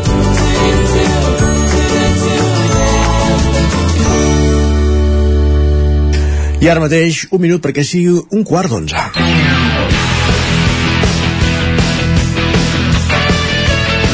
I per tant, el Territori 17 és dilluns i aquesta hora és sinònim de parlar d'esports, de repassar com ha anat esportivament parlant el cap de setmana pels equips de les nostres comarques, dels nostres territoris. Ja sabeu que aquest és un recorregut que fem, una roda que fem per les diferents emissores del Territori 17 i que comencem a Ràdio Televisió Cardedeu i allà avui saludem eh, Pol Grau. Benvingut, Pol, bon dia. Bon dia. Com estem? Doncs comencem el repàs esportiu aquí amb el primer equip del Cardedeu que encadena la seva quarta victòria consecutiva davant del Vilassar de Dalt uh -huh. per 2 a 3 i manté la segona posició amb 12 punts, només a un punt del líder, l'Argentona i passem al filial pel que fa empatat davant del Sant Celoni per 1 a 1 a tercera catalana i el primer equip del Llinàs per contra ha perdut davant del Montmeló per un, per un gol a dos a tercera catalana. I el, Granull, el Granollers a primera catalana ha encadenat la seva primera derrota davant del Lloret per un gol a 0 sí. i acabem amb el, la Lliga EVA el bàsquet Granollers que també ha encadenat la seva derrota contra el Club Bàsquet Navas per 72 a 60 Perfecte, doncs moltíssimes gràcies Pol. Bon dia Continuem aquest recorregut per les emissores del territori 17. Deixem enrere Cardedeu, anem fins a una codinenca. Allà ens espera la Caral Campàs. Bon dia. Bon dia. Bon dia. Um, D'hoquei no en parlarem perquè tant el Vigas com el Caldes disputen demà passat dimecres. Uh, futbol, uh, primera catalana, el Caldes ha sumat la primera victòria de la temporada davant el Parets, el seu rival directe, per 0 a 2 en aquesta estrena a primera catalana. I me'n vaig a tercera on eh, els, els equips encaraven la cinquena jornada. El Sant Feliu de Codina es, va, es van portar 3 punts davant del Taradell en un partit que va acabar per 2 a 1. L'àrbit va ensenyar 7 targetes grogues, 5 pels codinencs i 2 pel Taradell. Eh, també disputava el Vigas, eh, aquesta cinquena jornada d'aquest grup 5 de, de tercera. El Vigas es va enfrontar a l'Olímpic La Garriga i va perdre per 1 a 2 uh, bé, el, el Vigas es manté últim a la classificació sense sumar encara cap punt en el que portem de temporada. I en aquest mateix grup 5 de tercera hi tenim el Mollà que per contra manté una, manté una molt bona dinàmica i aquest dissabte també va fer els deures i es va imposar per dos gols a 1 davant a casa ai, perdó, davant del Navà a casa. Uh, el Mollà es manté segon amb 13 punts empatat amb el líder. I acabaria a tercera, però al grup 7 on tenim el Caldés, que també bones notícies golejada del Caldés davant del Pirinaica per 4 a 1 una, una victòria que correspon a la segona victòria consecutiva de la temporada pel Caldés Perfectíssim, gràcies, Caral. Bon dilluns. Eh, deixem on acudirem que enrere, avancem, anem fins al Ripollès, a la veu de Sant Joan amb l'Isaac Muntades. Isaac, benvingut, bon dia.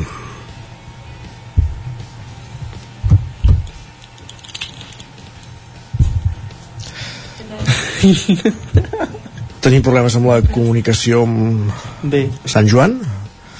Sí, no et sentim, Isaac. Uh, mirem de recuperar aquesta comunicació per alguna altra via.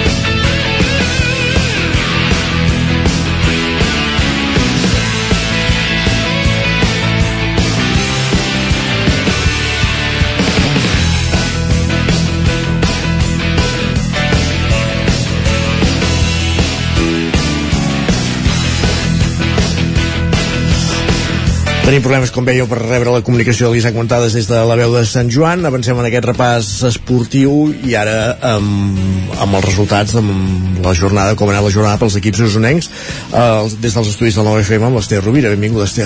Bon dia. Ara tocarem el micro, perfecte, ara sí. Ja. Bon dia, ara sí. Perfecte. Com ha la cosa? Doncs hem tingut una mica de, de tot. Uh, si et sembla, comencem amb, amb futbol uh, aquesta setmana perquè els hoqueis recordem que han parat ara durant 5 setmanes per la disputa dels Wall Skate Games i per tant no, no tenim les principals competicions uh, d'hoquei en, en marxa sí que ho farà aquest proper cap de setmana l'hoquei Lliga Plata ja en, en parlarem per tant comencem amb, amb futbol i a la tercera federació on el Tona va caure golejat al camp del Girona B uh, per 4-0 un conjunt, aquest Girona B, que recordem que hi ha diversos jugadors del territori 17, eh, per exemple, el porter d'aigua freda Lluc Mates, el jugador de Gurb Biel Ferrés i també el davanter de Camprodon Joel Roca, eh, i que això que, que dèiem... Eh, eh, es van imposar en un partit on els tonencs no van estar bé a la primera part i ho van pagar car, per tant derrota que deixa el Tona 12 a la classificació d'aquest grup 5 i a primera catalana el punt d'interès era aquest primer derbi del curs derbi usonenc entre el Manlleu i el Torelló un partit mhm. que es van eh, quedar els locals eh, que van guanyar per 2 a 0 eh, un equip que també era el que més ho necessitava per, perquè recordem que fins ara el Manlleu només havia sumat un empat i per tant estava necessitat. I aquesta victòria el que fa també és donar-los una mica de confiança confiança en el projecte, no? perquè eh, com que ja portaven, aquesta era la, la tercera jornada i encara no havia arribat la victòria, doncs aquelles coses que, que generen una mica d'ansietat i preocupació a l'entorn del, del Manlleu, doncs ja ha arribat aquesta, aquesta victòria i en, pel que fa a l'altre conjunt usonenc de la categoria, el Vic hem de dir que va patir la primera derrota de la temporada per 1 a 3 a casa contra l'Escala a causa de dos gols eh, seguits que el van sentenciar i que van suposar una llosa massa grossa. Ara el Vic Vic és sisè amb 4 punts, el Manlleu 8è també amb 4, mentre que el Torelló és 11è amb 3 en aquest grup 1 de la, de la primera catalana, eh, amb força interès en clau usonenca pel fet de tenir-hi aquests tres conjunts a, a aquesta temporada.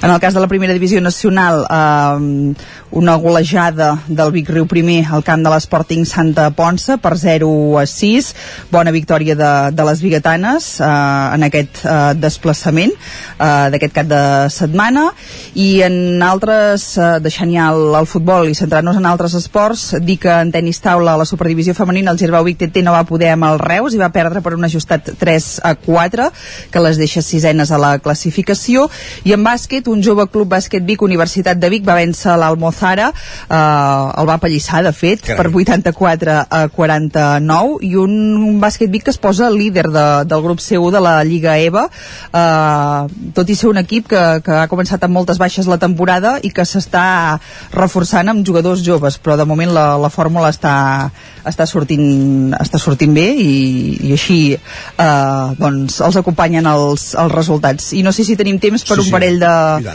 de punts més. Eh, aquest cap de setmana també es disputava el Trail del Bisaure, la novena edició, eh, on es va fer rècord de participants amb 1.300, 450 cada una de les tres curses, i els guanyadors van ser Pau Moreno i Laia Díez en la cursa grossa, en el trail, a la llarga, Jonathan Mora i Helena Mercader van guanyar la mitja, i Cesco Comte i Laura Verdolet la, la curta, Uh, I per últim, també es disputava aquest cap de setmana l'Euroquay Cup en categoria FEM 15 i si la setmana passada explicàvem que el guanyador en la FEM 17 havia estat el Voltregà, sí. uh, aquest cap de setmana en la FEM 15 el guanyador va ser el Martinelli a Manlleu, uh, que va superar el Sant Cugat per 1 a 4 en la final d'aquesta competició continental, per tant uh, l'hoquei de base femení usonenc que setmana rere setmana doncs continua demostrant que, que està en, en bon estat de forma. Perfecte, doncs moltes gràcies Esther. Que vagi molt molt bé. Bon dia. I ara sí tornem a provar de comunicar amb l'Isaac Montades amb la veu de Sant Joan. Isaac, eh, hi ets ara? Bon dia. Bon dia. Ara sí, bon dia, no sé si perfectament. Em sentiu, eh? Sí, sí. Perfecte. Doncs mireu, comencem per als dos dies trial de Santigosa, organitzats pel Motoclub Abadeses, que es van celebrar aquest cap de setmana a Sant Joan, amb una participació d'uns 160 pilots, tant catalans d'arreu d'Espanya i també d'estrangers. Hi havia forces categories, us detallaré qui va guanyar en cada una d'elles. El guanyador de l'expert va ser el Bas Diego Urreta, amb una Fanti, que la clàssica és on hi havia gairebé una setantena de participants, va guanyar Xavier Anyols amb una Voltaco, a la categoria trialers va vèncer Bertran Martínez també amb una Voltaco. A iniciació la victòria va ser per Xavier Navarro amb una Montesa, mentre que Josep Puig i Alberto Selma i Berín Benuat van guanyar en pre 65, pre 72 i pre 80 respectivament. I passem del trial al ciclisme, perquè es disputava aquest diumenge també la Vandàlica Camp de Bànol organitzada per la Unió Ciclista de Bànol, amb la Vandàlica llarga de 30 km i 1.200 metres de desnivell van compartir la victòria Marc Zafra i Joan Llordell amb un temps d'una hora 46 minuts i 52 segons.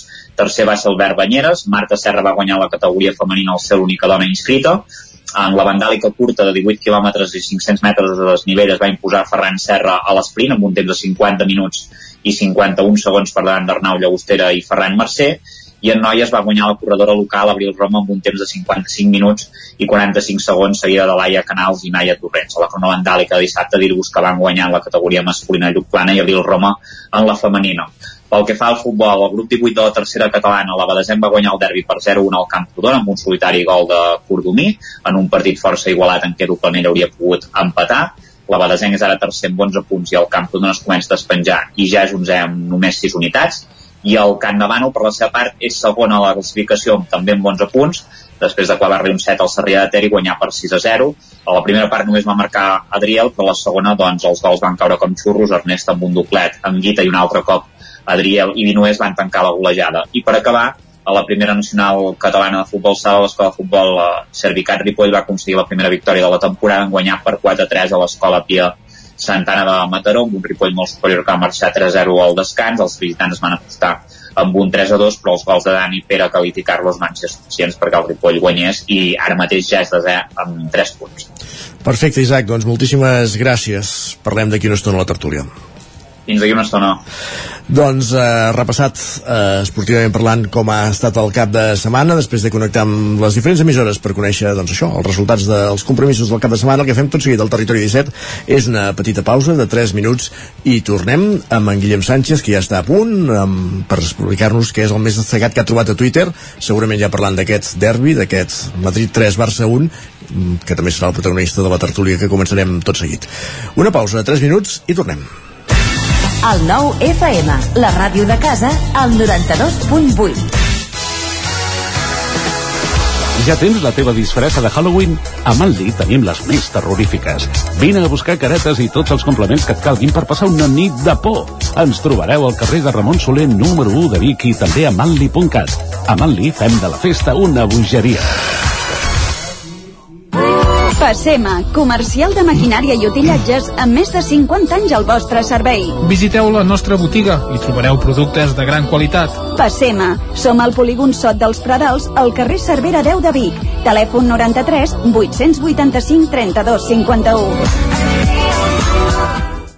A Rialtec som especialistes en instal·lacions fotovoltaiques, aerotèrmia, clima i instal·lacions integrals pel teu habitatge o la teva empresa.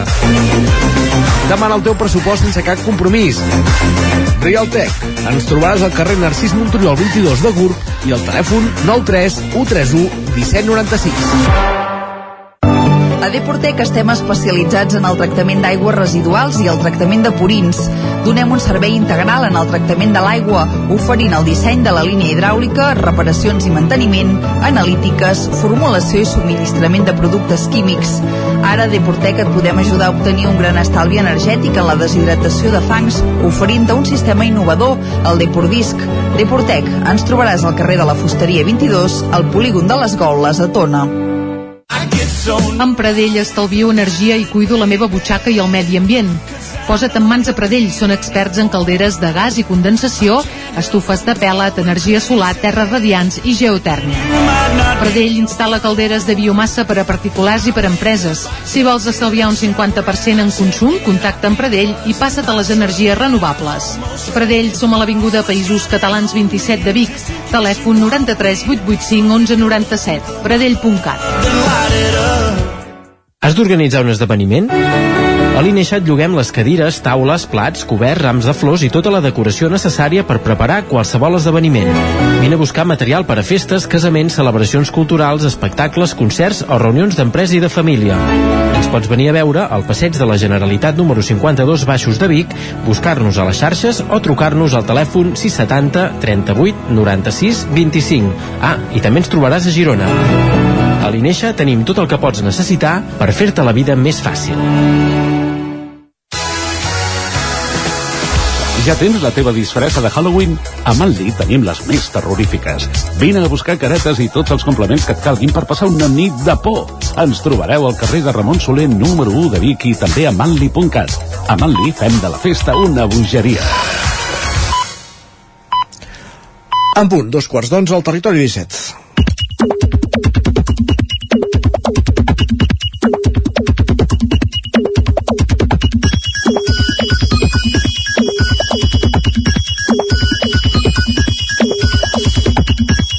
Els que ens hagin vist per YouTube o Twitch ja han vist ara un, un parell. No sé, tu has arribat a veure Sánchez, no, eh?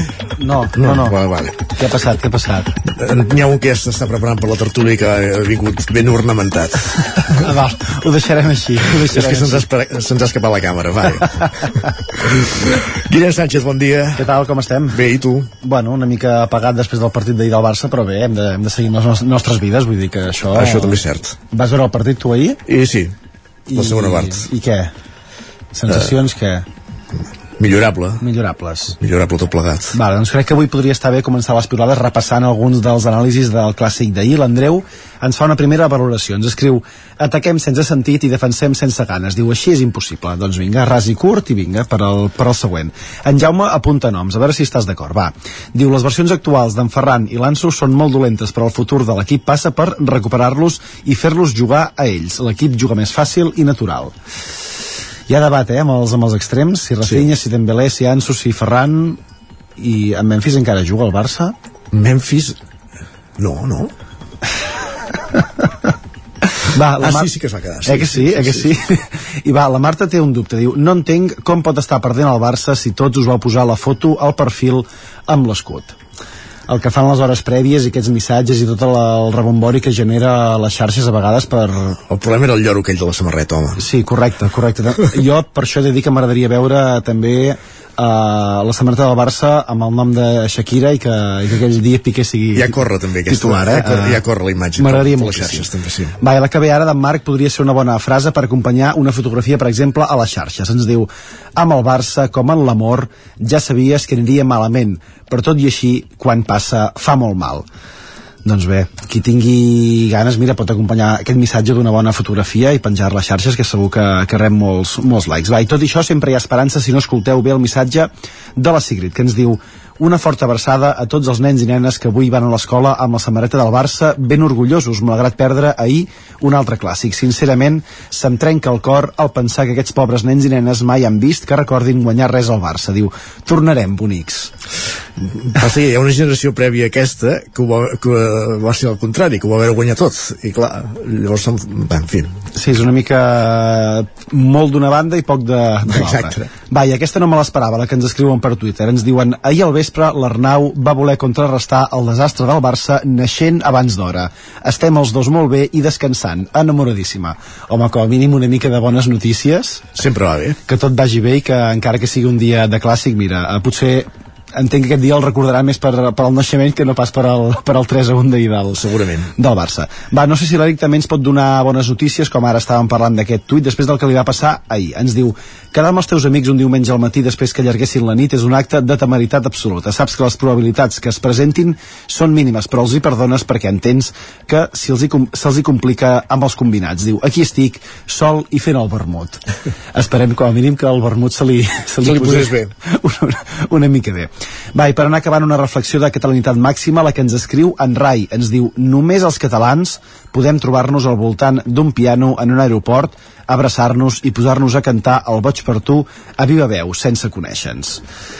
Això, això els catalans ho fem molt, eh? Quina estampa, mare. Quina, quina estampa. I parlant de transport públic, res, un apunt més d'en Pere, que deu ser un usuari freqüent, i més avui un dilluns al matí després d'una derrota del Barça, que encara és pitjor haver d'agafar el transport públic, diu mai em deixarà de, de semblar una autèntica bogeria que el sistema se sostingui sobre un metro petat de gent asfixiada a les 8 del matí amb cara de voler-se morir o matar. Bé, hi ha coses que, que poden passar i no sé si després dels 90 minuts d'ahir també hi ha gent que avui encara va una mica més enfadada a la feina o no. Potser algú, algú ja li comença a passar. ja Algú li comença comença a passar, de sí. Mala senyal, doncs, mala senyal. Va, gràcies, Guillem. Que vagi bé. Bon dia.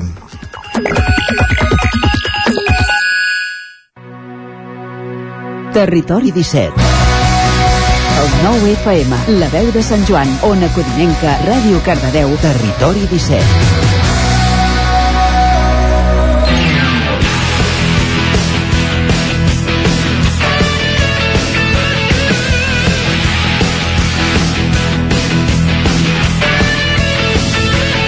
Doncs va, és moment de tertúlia esportiva, moment de tertúlia post-derbi, moment de tertúlia post-setmana tràgica, perquè hi ha el partit d'ahir, que el Madrid va guanyar 3 a 1 al Bernabéu, però que també encara arrosseguem la derrota davant de l'Inter de, de Milà a les Champions de dimecres passat. Lluís de Planell, Agustí Danés, Isaac Montades, benvinguts tots tres. Bon dia. Nosaltres, jornada, de, setmana tràgica, no? Vam treure un punt a Cádiz i tres ahir, vull dir que eh, 4 de 6 està prou bé. O sigui, jornada tràgica per, ser, eh, per, exacte, perquè, esclar, com les piulades d'ara no, només parleu del Barça, no hi ha altre equip en el món per, per parlar. No sé si piulen els pericos. Eh, home, eh, els pericos i la gent de Girona, per exemple, que també, també ho fa, i vull dir que, Digues pues, que la, la, notícia. La, la notícia de la setmana és el, el, el centenari del Vic, que demà fa aquest acte que serà multitudinari a l'Atlàntida. Digues les coses. No, no, no vols parlar de, com, no vols com parlar són. del Barça. Parlem del Vic. No vols parlar del Anem així, eh? Isaac, ja ho veus.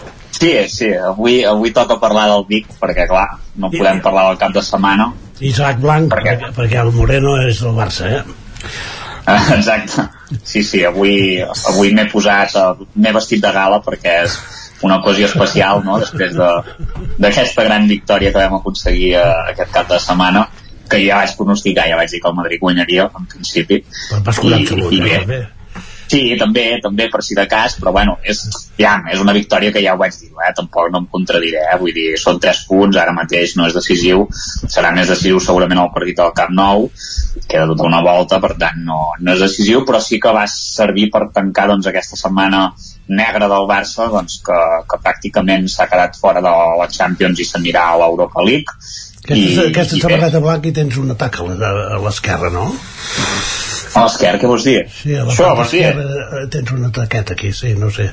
Una cosa Això, això és el, de, del campió del món, perquè el Madrid ha, ha estat campió del món 4 o 5 vegades els últims anys, cosa que el Barça no es pot dir, perquè clar, campió del món només ho pot ser quan guanyes la Champions, i el Barça en aquest cas, doncs, un any més tampoc ho serà, perquè no guanyarà la Champions, em sap molt de greu. Ja veurem si guanya l'Europa League, perquè, bueno, tindrà, ho tindrà complicat, ara mateix a la Lliga, bueno, doncs ja, ja estan les coses un altre cop com, com tocaven en un partit on el Madrid doncs, va, ser, va ser més efectiu i, i, i en alguns moments va, va dominar i va fer bon futbol. I, i el Barça segurament peca de calic de que no, bueno, no, no està això que està en construcció és una excusa molt barata de, d'en Xavi perquè ja fa més d'un any que estan en construcció i potser ja se li hauria d'exigir alguna cosa més sobretot a la Lliga però, però bueno El partit, deixarem, deixarem que l'equip encara no està en el seu millor moment el, el partit va ser molt dolent. Va ser un partit que no...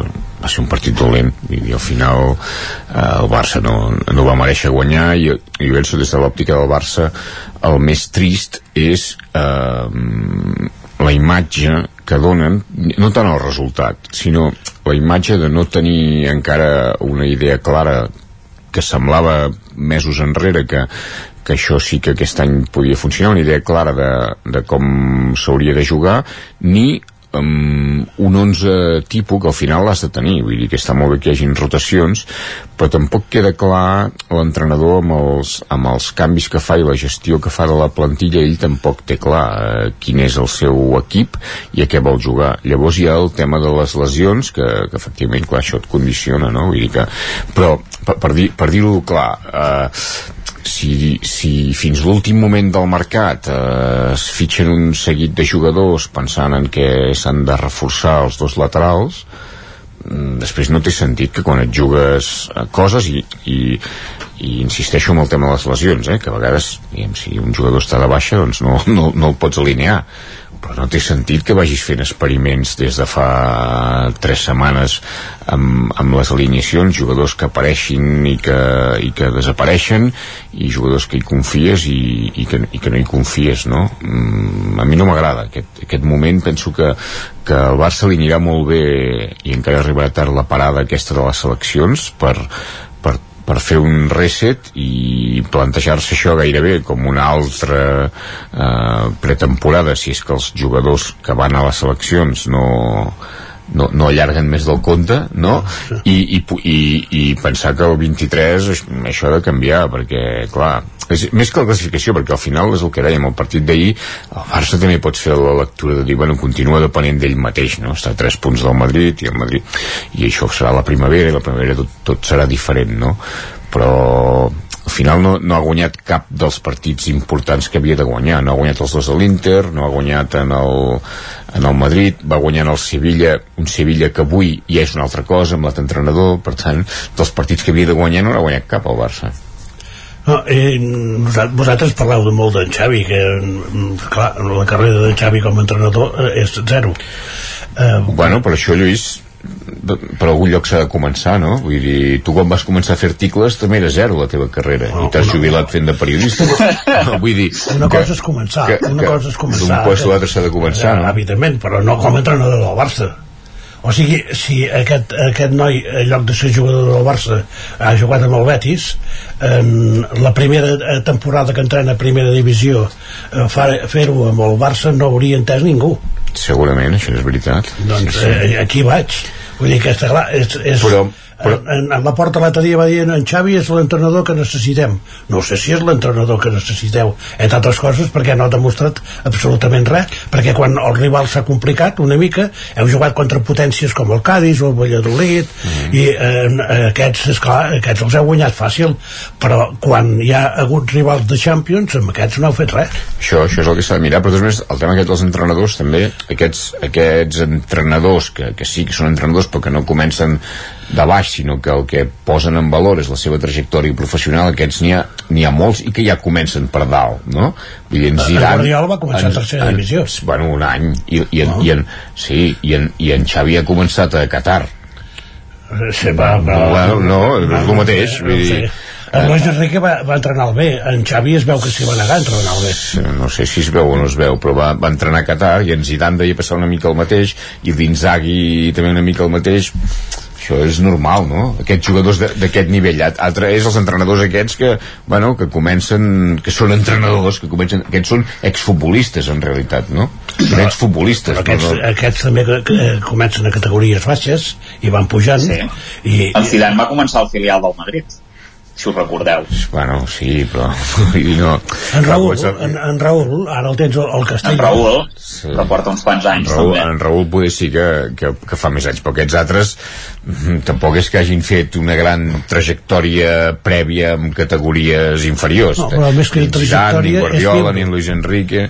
Sí, però, no. aquest, però al final aquestes plantilles el, també s'han de gestionar i són vestidors que hi ha molts egos i per tant jo crec que és un altre nivell que no es pot comparar, vull dir que hi ha un, hi ha un seguit d'equips de, eh, top que ha de ser un tipus d'entrenador de, i que està bé segurament que siguin exjugadors perquè coneixen aquest món i la importància de la gestió del vestidor i hi ha tres altres equips que han de ser entrenadors aquests són, són altres coses són estrelles ells també, no? En ells també són estrelles també no? en coneix el vestidor del Barça i jo té un paper de papet que va fer Sí, en Koeman no sabia que, que jugava. Jo crec que en Xavi té més idea del, del que ha de ser, però hi ha un punt de decepció, no. hi ha un punt de decepció de l'hora de gestionar això i d'afrontar els partits ahir si el, si el partit el pots perdre clar que el pots perdre però s'ha de jugar d'una altra manera no?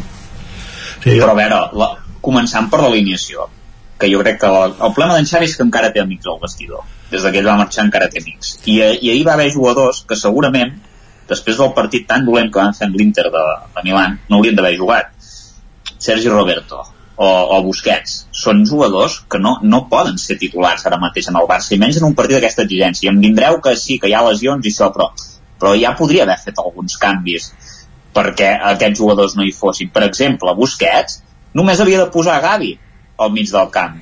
Gavi, De Jong i Pedri i així de joc sí, també bueno, Isaac, d'alineacions sí. eh, tu en faràs, jo en faré i cadascú les faria diferent jo no, que, però ostres, que, és que sí, ja, i l'any passat l'altre dia i, i, i, igual i l'any passat en, el, en l'entrenador del Madrid va posar en, en modis de davanter centre que, que Sí, però això un això com va? Jo, però jo crec que el, el, el tema és el que, ha de, el que hauria de decidir el cos tècnic del Barça és uh, quina és l'aposta si, si es creu amb, amb l'Anso Fati i es creu amb en Gavi, doncs posa aquests No. no? Pel que no es No pot fer és, és, és, és anar fent experiments i llavors un quart d'hora i 20 minuts no, això No s'hi creu amb l'Ansu Fati, de juga 20 I, el, el lateral esquerre, qui és el lateral esquerre? qui ha de ser?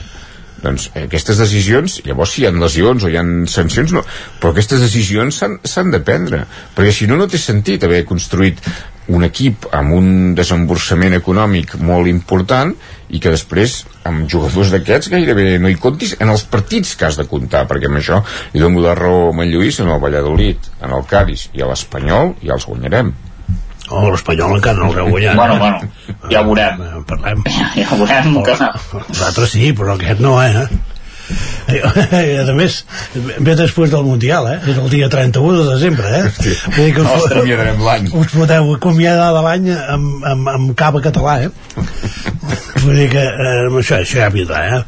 De totes maneres, el, el tema de Nadal eh, no, no l'entenc massa, o sigui, el, després de, de festes eh, ve un, un altre llic això sí, sí que hi estic d'acord entre altres coses perquè els jugadors importants dels equips importants hauran jugat pràcticament tots el Mundial.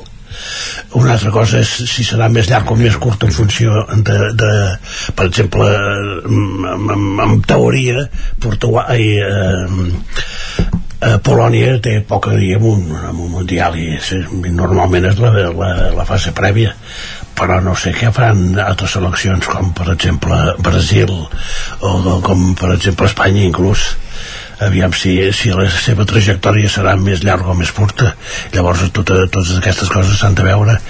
Però que el Mundial condicionarà la segona part del, del campionat això amb tota seguretat. I eh, diguem el, les conseqüències físiques d'aquest Mundial quines seran tampoc les, les sabem. Difícilment les sabrà ningú perquè en, tots hem vist que eh, en tornen molts lesionats de les seleccions. Doncs imagina't després d'un Mundial i, la, i, i el tema aquest del calendari apretat jo, això de Berto clar, és que és eh, ara perquè és el Barça però és igual, podia, podia ser un altre equip. Vull dir que, que a 15 d'octubre eh, estiguis fora no? de la Champions un, dic, aquest, dic, això val pel Barça val pel Madrid, val pel, per la Juve i, i per no sé qui més eh? ah, perquè aquest any és atípic amb però, no? a 15, a 15 d'octubre és, això clar, això condici, condiciona molt eh, tot perquè condiciona la, la, la, la planificació esportiva els recursos econòmics el, els altres no han pas fallat eh bueno, Sí, el, més temps per preparar l'Europa League, Agustí, mira tu per al cantó positiu. Ja, ja, ja, ja en parlarem de l'Europa League. Exacte. Sí, sí. ja arribarà. Aquí ja arribarà, tot arribarà. no interessa a ningú aquesta competició. Eh, en, en aquests no, nivells. el, l'Europa League no interessa a ningú no, bueno, no interessa a ningú no sé, ja l'única cosa el que, gua- el que Barça guanya abans guanyava la Recopa abans i... eh, però ara, ara eh, veniu de- d'una època de menjar molt i llavors tornar eh, al dejuni és una mica fotut Sí, eh? la veritat és que sí. Això són etapes i aquest és un, un imprevist que, que realment això és un, és un fracàs, això. de totes maneres jo dic en, sí, en, en Busquets va començar a fallar després de les declaracions més va començar a fallar més després de les declaracions de la porta en una assemblea que va dir que eh, una, la gran part de la, de, de la culpa dels problemes econòmics del Barça eren els, els quatre capitans els sous dels, dels capitans i a partir d'aquí eh, no hi ha cap ni, ningú que hagi funcionat. En Piqué va tenir una gran actuació el dia de l'Inter i poca cosa més Però el problema no són els sous dels capitans, el problema és la massa salarial del Barça i la política retributiva que ha seguit el club. És, és aquest el problema. Però- però per I això que no és problema dels jugadors, és això problema uns del club. responsables. I, i si, si durant una època es, es feia un càlcul què sempre es posava el focus en l'increment dels ingressos doncs això era una manera d'actuar i quan aquests ingressos pel, pel motiu que sigui pel, perquè pel motiu que sigui però, però, però se saben els motius, no són eteris els motius són que, la, que els èxits esportius no han arribat i que hi ha hagut una pandèmia que va tallar en sec eh, els ingressos. Llavors això mm, s'ha de canviar tot. I el Barça el que ha fet és amb les famoses palanques intentar tornar a engegar la, la roda hipotecant uns recursos futurs clar, això et funciona si pots realment tornar a engegar la roda, tornes a guanyar, generes ingressos, passa el Barça té capacitat, vull dir, l'assistència mateix en el camp a tot aquest inici de temporada és espectacular, eh? L'altre dia hi havia més de 90.000 persones ara veuràs com cau. amb un partit de Champions, clar, passa ara el dia del Bayern, pot ser que... Bueno, en el- era clau el partit de Champions, eh, també, Agustí. però, sí, però, però el dia del Valladolid no n'hi havia 90.000, però n'hi havia 80.000. Vull dir que, que, que el Barça té capacitat de- d'aixecar recursos. L'esponsor és un bon sponsor, no?, de la samarreta. Ja hi ha capacitat. Però, esclar, això ha d'anar com, a- com a mínim en paral·lel amb els èxits esportius a la llarga, perquè si no, sí, a la curta tu pots passar una sotregada com està passant ara, però el que no pots és encallar-te, vull dir, no pots tornar a tenir un, gaires temporades com la, com la passada en què l'èxit sigui classificar-te entre els quatre primers. que per cert el mussol d'ahir es veu que eh, tothom que li ha portat que És un mal estruc. sí, ha estat un mal estruc se l'ha fotuda però de, de valent eh? vull dir que o sigui com el Barça ahir vaja I el que no farem és parlar dels arbitratges, no? Ah, bueno, en la porta ja va baixar el vestidor, no? Sí. Vull dir, quina imatge més lamentable, no? Haver de baixar el vestidor a reclamar, ja devia conèixer el camí. Ves? No, no va de... El va acompanyar en Florentino, que també deu ser habitual. Sí, el, el, No va de... No, no, no, té, no té a veure amb l'arbitratge, però... Uh, bueno, no? un bojos noi de president no sé si és gaire bo eh? No, si és el contrari, precisament. Sí, el, no, el, que va, el, que va, com ells. el, que, el que va fer en la porta és sí, foragitar-los del, del, del, del, del Camp Nou actua com ells eh? que és una bona decisió en el sentit que el camp doncs, s'hi ha d'anar de poder-hi anar els tothom bojos, els bojos nois també haurien anat al vestidor de l'àrbit si haguessin pogut no, però això són eh, bueno, no, el Bernabéu difícil, poder el Camp Nou poder sí, eh? No t'ho descarto. això però, són però qüestions que, que, que passen en, en calent Ah, que, passa. sí Passa i que baixis al vestidor. no, i, i al, al final el, el problema és anar-hi a la mitja part o al, o al principi al final no té cap problema no? Perquè el partit ja està acabat o sigui, el problema és anar-hi anar, anar a, anar a la mitja part és el problema això ha passat amb, amb, amb tots i ha passat amb el Madrid i ha passat amb el Barça i, i passa en, en moments així i no passarà més aquesta temporada ja i un altre dia tornarà a passar Atenció a aquesta frase, eh? això són, això són coses que No passen passarà més aquesta temporada ja. eh? aquesta frase és molt perillosa, eh, Agustí, perquè si hi ha algun altre partit que, que passa, perquè, aviam, d'arbitratges tampoc es podrà queixar, eh, el Barça, que, des, que, que en els últims, no, no sé quants partits vaig llegir, dels últims 21 penals en els clàssics, el Barça n'hi havien xiulat més a favor que en el Madrid, eh? Per alguna cosa Vull dir- ser, no? si, sempre, Bueno, si sempre jugàvem a l'àrea del No, Madrid però que és vull, que vull, que vull dir que clar, es queixen, es queixen molt de les jugades decisives i ostres, en el Barça jo crec que l'han beneficiat no se'n va veure l'estadística ara, ara us ho buscaré però ostres, amb, amb, amb no, no amb, amb, mira, amb Mr. Chip Mr. Chip, que també és una, una persona que, que, que posa aquestes estadístiques que a mi m'agrada molt, molt seguir-les i ho deia això, eh, que hi havia hagut molts més penals a, a favor Bé, de fet, el, el Madrid no se li pitava un penal en un clàssic des del 2014 que va ser un de Cristiano Ronaldo. Cristiano Ronaldo, eh? 13 a favor del Barça i 8 a favor del Madrid, en, dels últims 21 penals en els clàssics. Vull dir que, a veure, Tampoc és tan... no sé què voleu que us digui. Jo, de l'arbitratge, bueno, ja, i el Madrid, jo crec que també hi ha hagut partits que també es podria haver sentit molt perjudicat, no? No sé. Jo- No sé, i penals en contra des de que hi ha el Bar, el Madrid n'hi han pitat més que el Barça, eh? N'hi han pitat 7 i el El. Madrid sempre normal, juga bastant més al límit, eh? Però, però si, però si el Barça domina i té la possessió i jugàvem sempre al camp del Madrid a l'àrea del Madrid és lògic que no poden pas pitar penals en contra si el Madrid no arribava Bueno, a la és teva que el- però, àrea hosti, 0-4 el- l'any passat 2 a 6, 1 a 3 El Madrid no ha tingut lògic, no? defenses com l'Englet, que cada dos per tres feia penals, que era el rei del penal. que Ara, ara, per Que no que no, que no els hi pitaven, però, però els feia. Els feia, em feia bueno, I per, per cert, no sé. només bé, al, al Twitter fan un, una al·lusió en el Lluís de Planell, l'Esteve Camps que diu que, que ell és més de patins que de pilotes i recordar-li d'en Lluís de Planell que en Catxo Ordeig quan va penjar els patins es va seure a la banqueta del Voltregà perquè va ser un dels millors entrenadors d'hoquei patins i no ho diu, i afegeixo del món que ho sàpigues que... Jo parlava de no, futbol, que, però sí. Que, no? Vostre, l'hoquei és una altra història, eh? perquè aquests sí que són de casa. En Catxo Ordeig això, això, és, això és parlar d'un altre nivell fins i tot és, és parlar per sobre del nivell d'en de, Xavi al Barça i en, en Caix Ordeig és de Voltregà vull dir, no i, va, i, va, i van guanyar Copes d'Europa que, que, que, que també té mèrit no? dues almenys, no?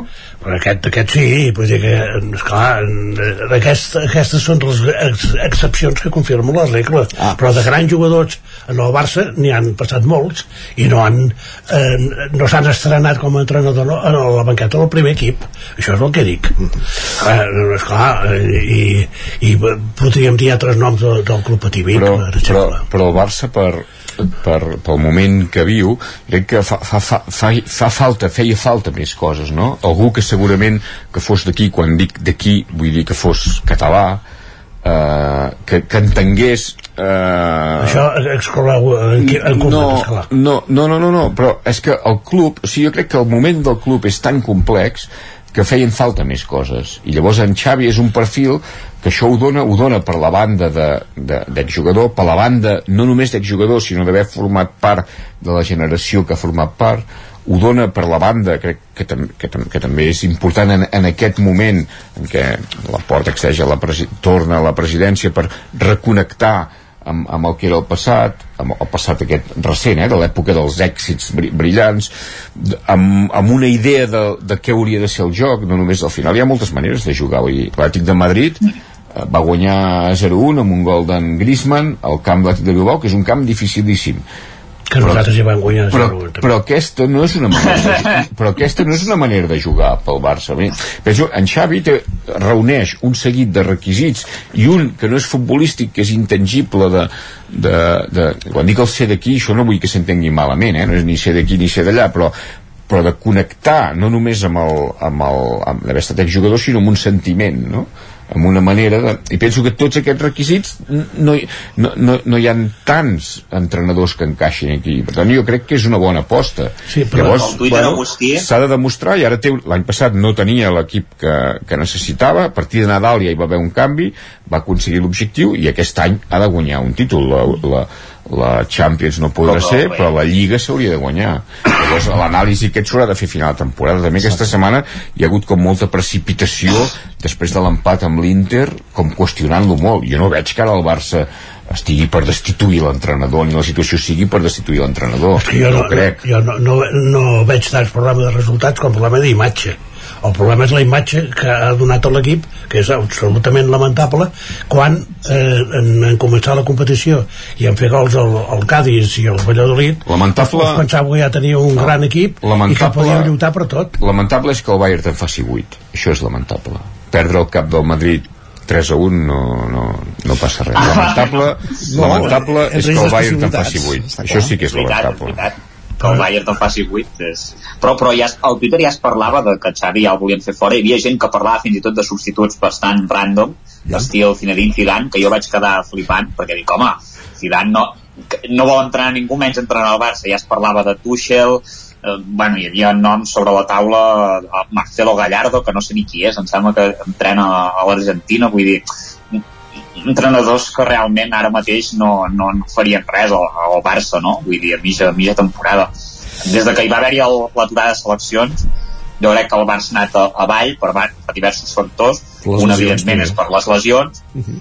que això, evidentment, ha, ha afectat uh, bastant, però clar, després uh, en Xavi ostres, uh, hi ha hagut alguns a mi, a mi em continuen desconcertant la, les alineacions que, que en alguns partits, per exemple jugui Marcos Alonso, no? I, i tot això. I em diuen que ja hem de parar, eh? Sí.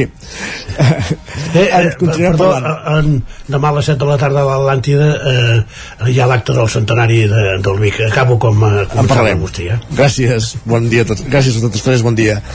I acabem el Territori 17 i tornem demà a la mateixa hora. Adéu-siau. Territori 17 un magazín del nou FM. La veu de Sant Joan, Ona Codinenca i Ràdio Cardedeu amb el suport de la xarxa.